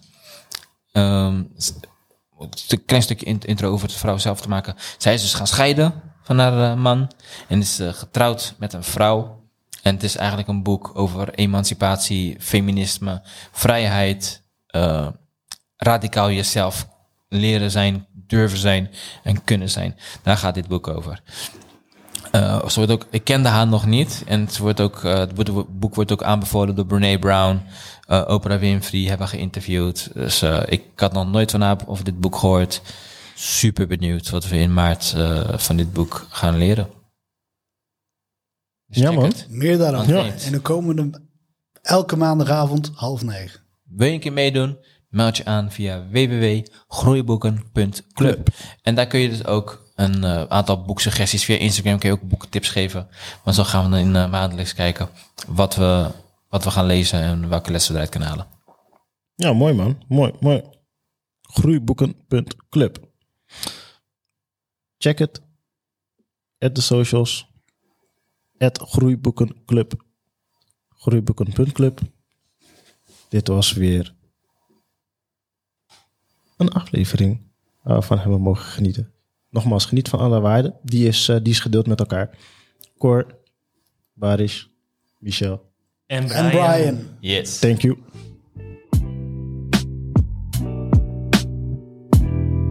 Is this thing on? Is this thing on? Ja, hij is nog steeds aan. Hij is nog steeds aan.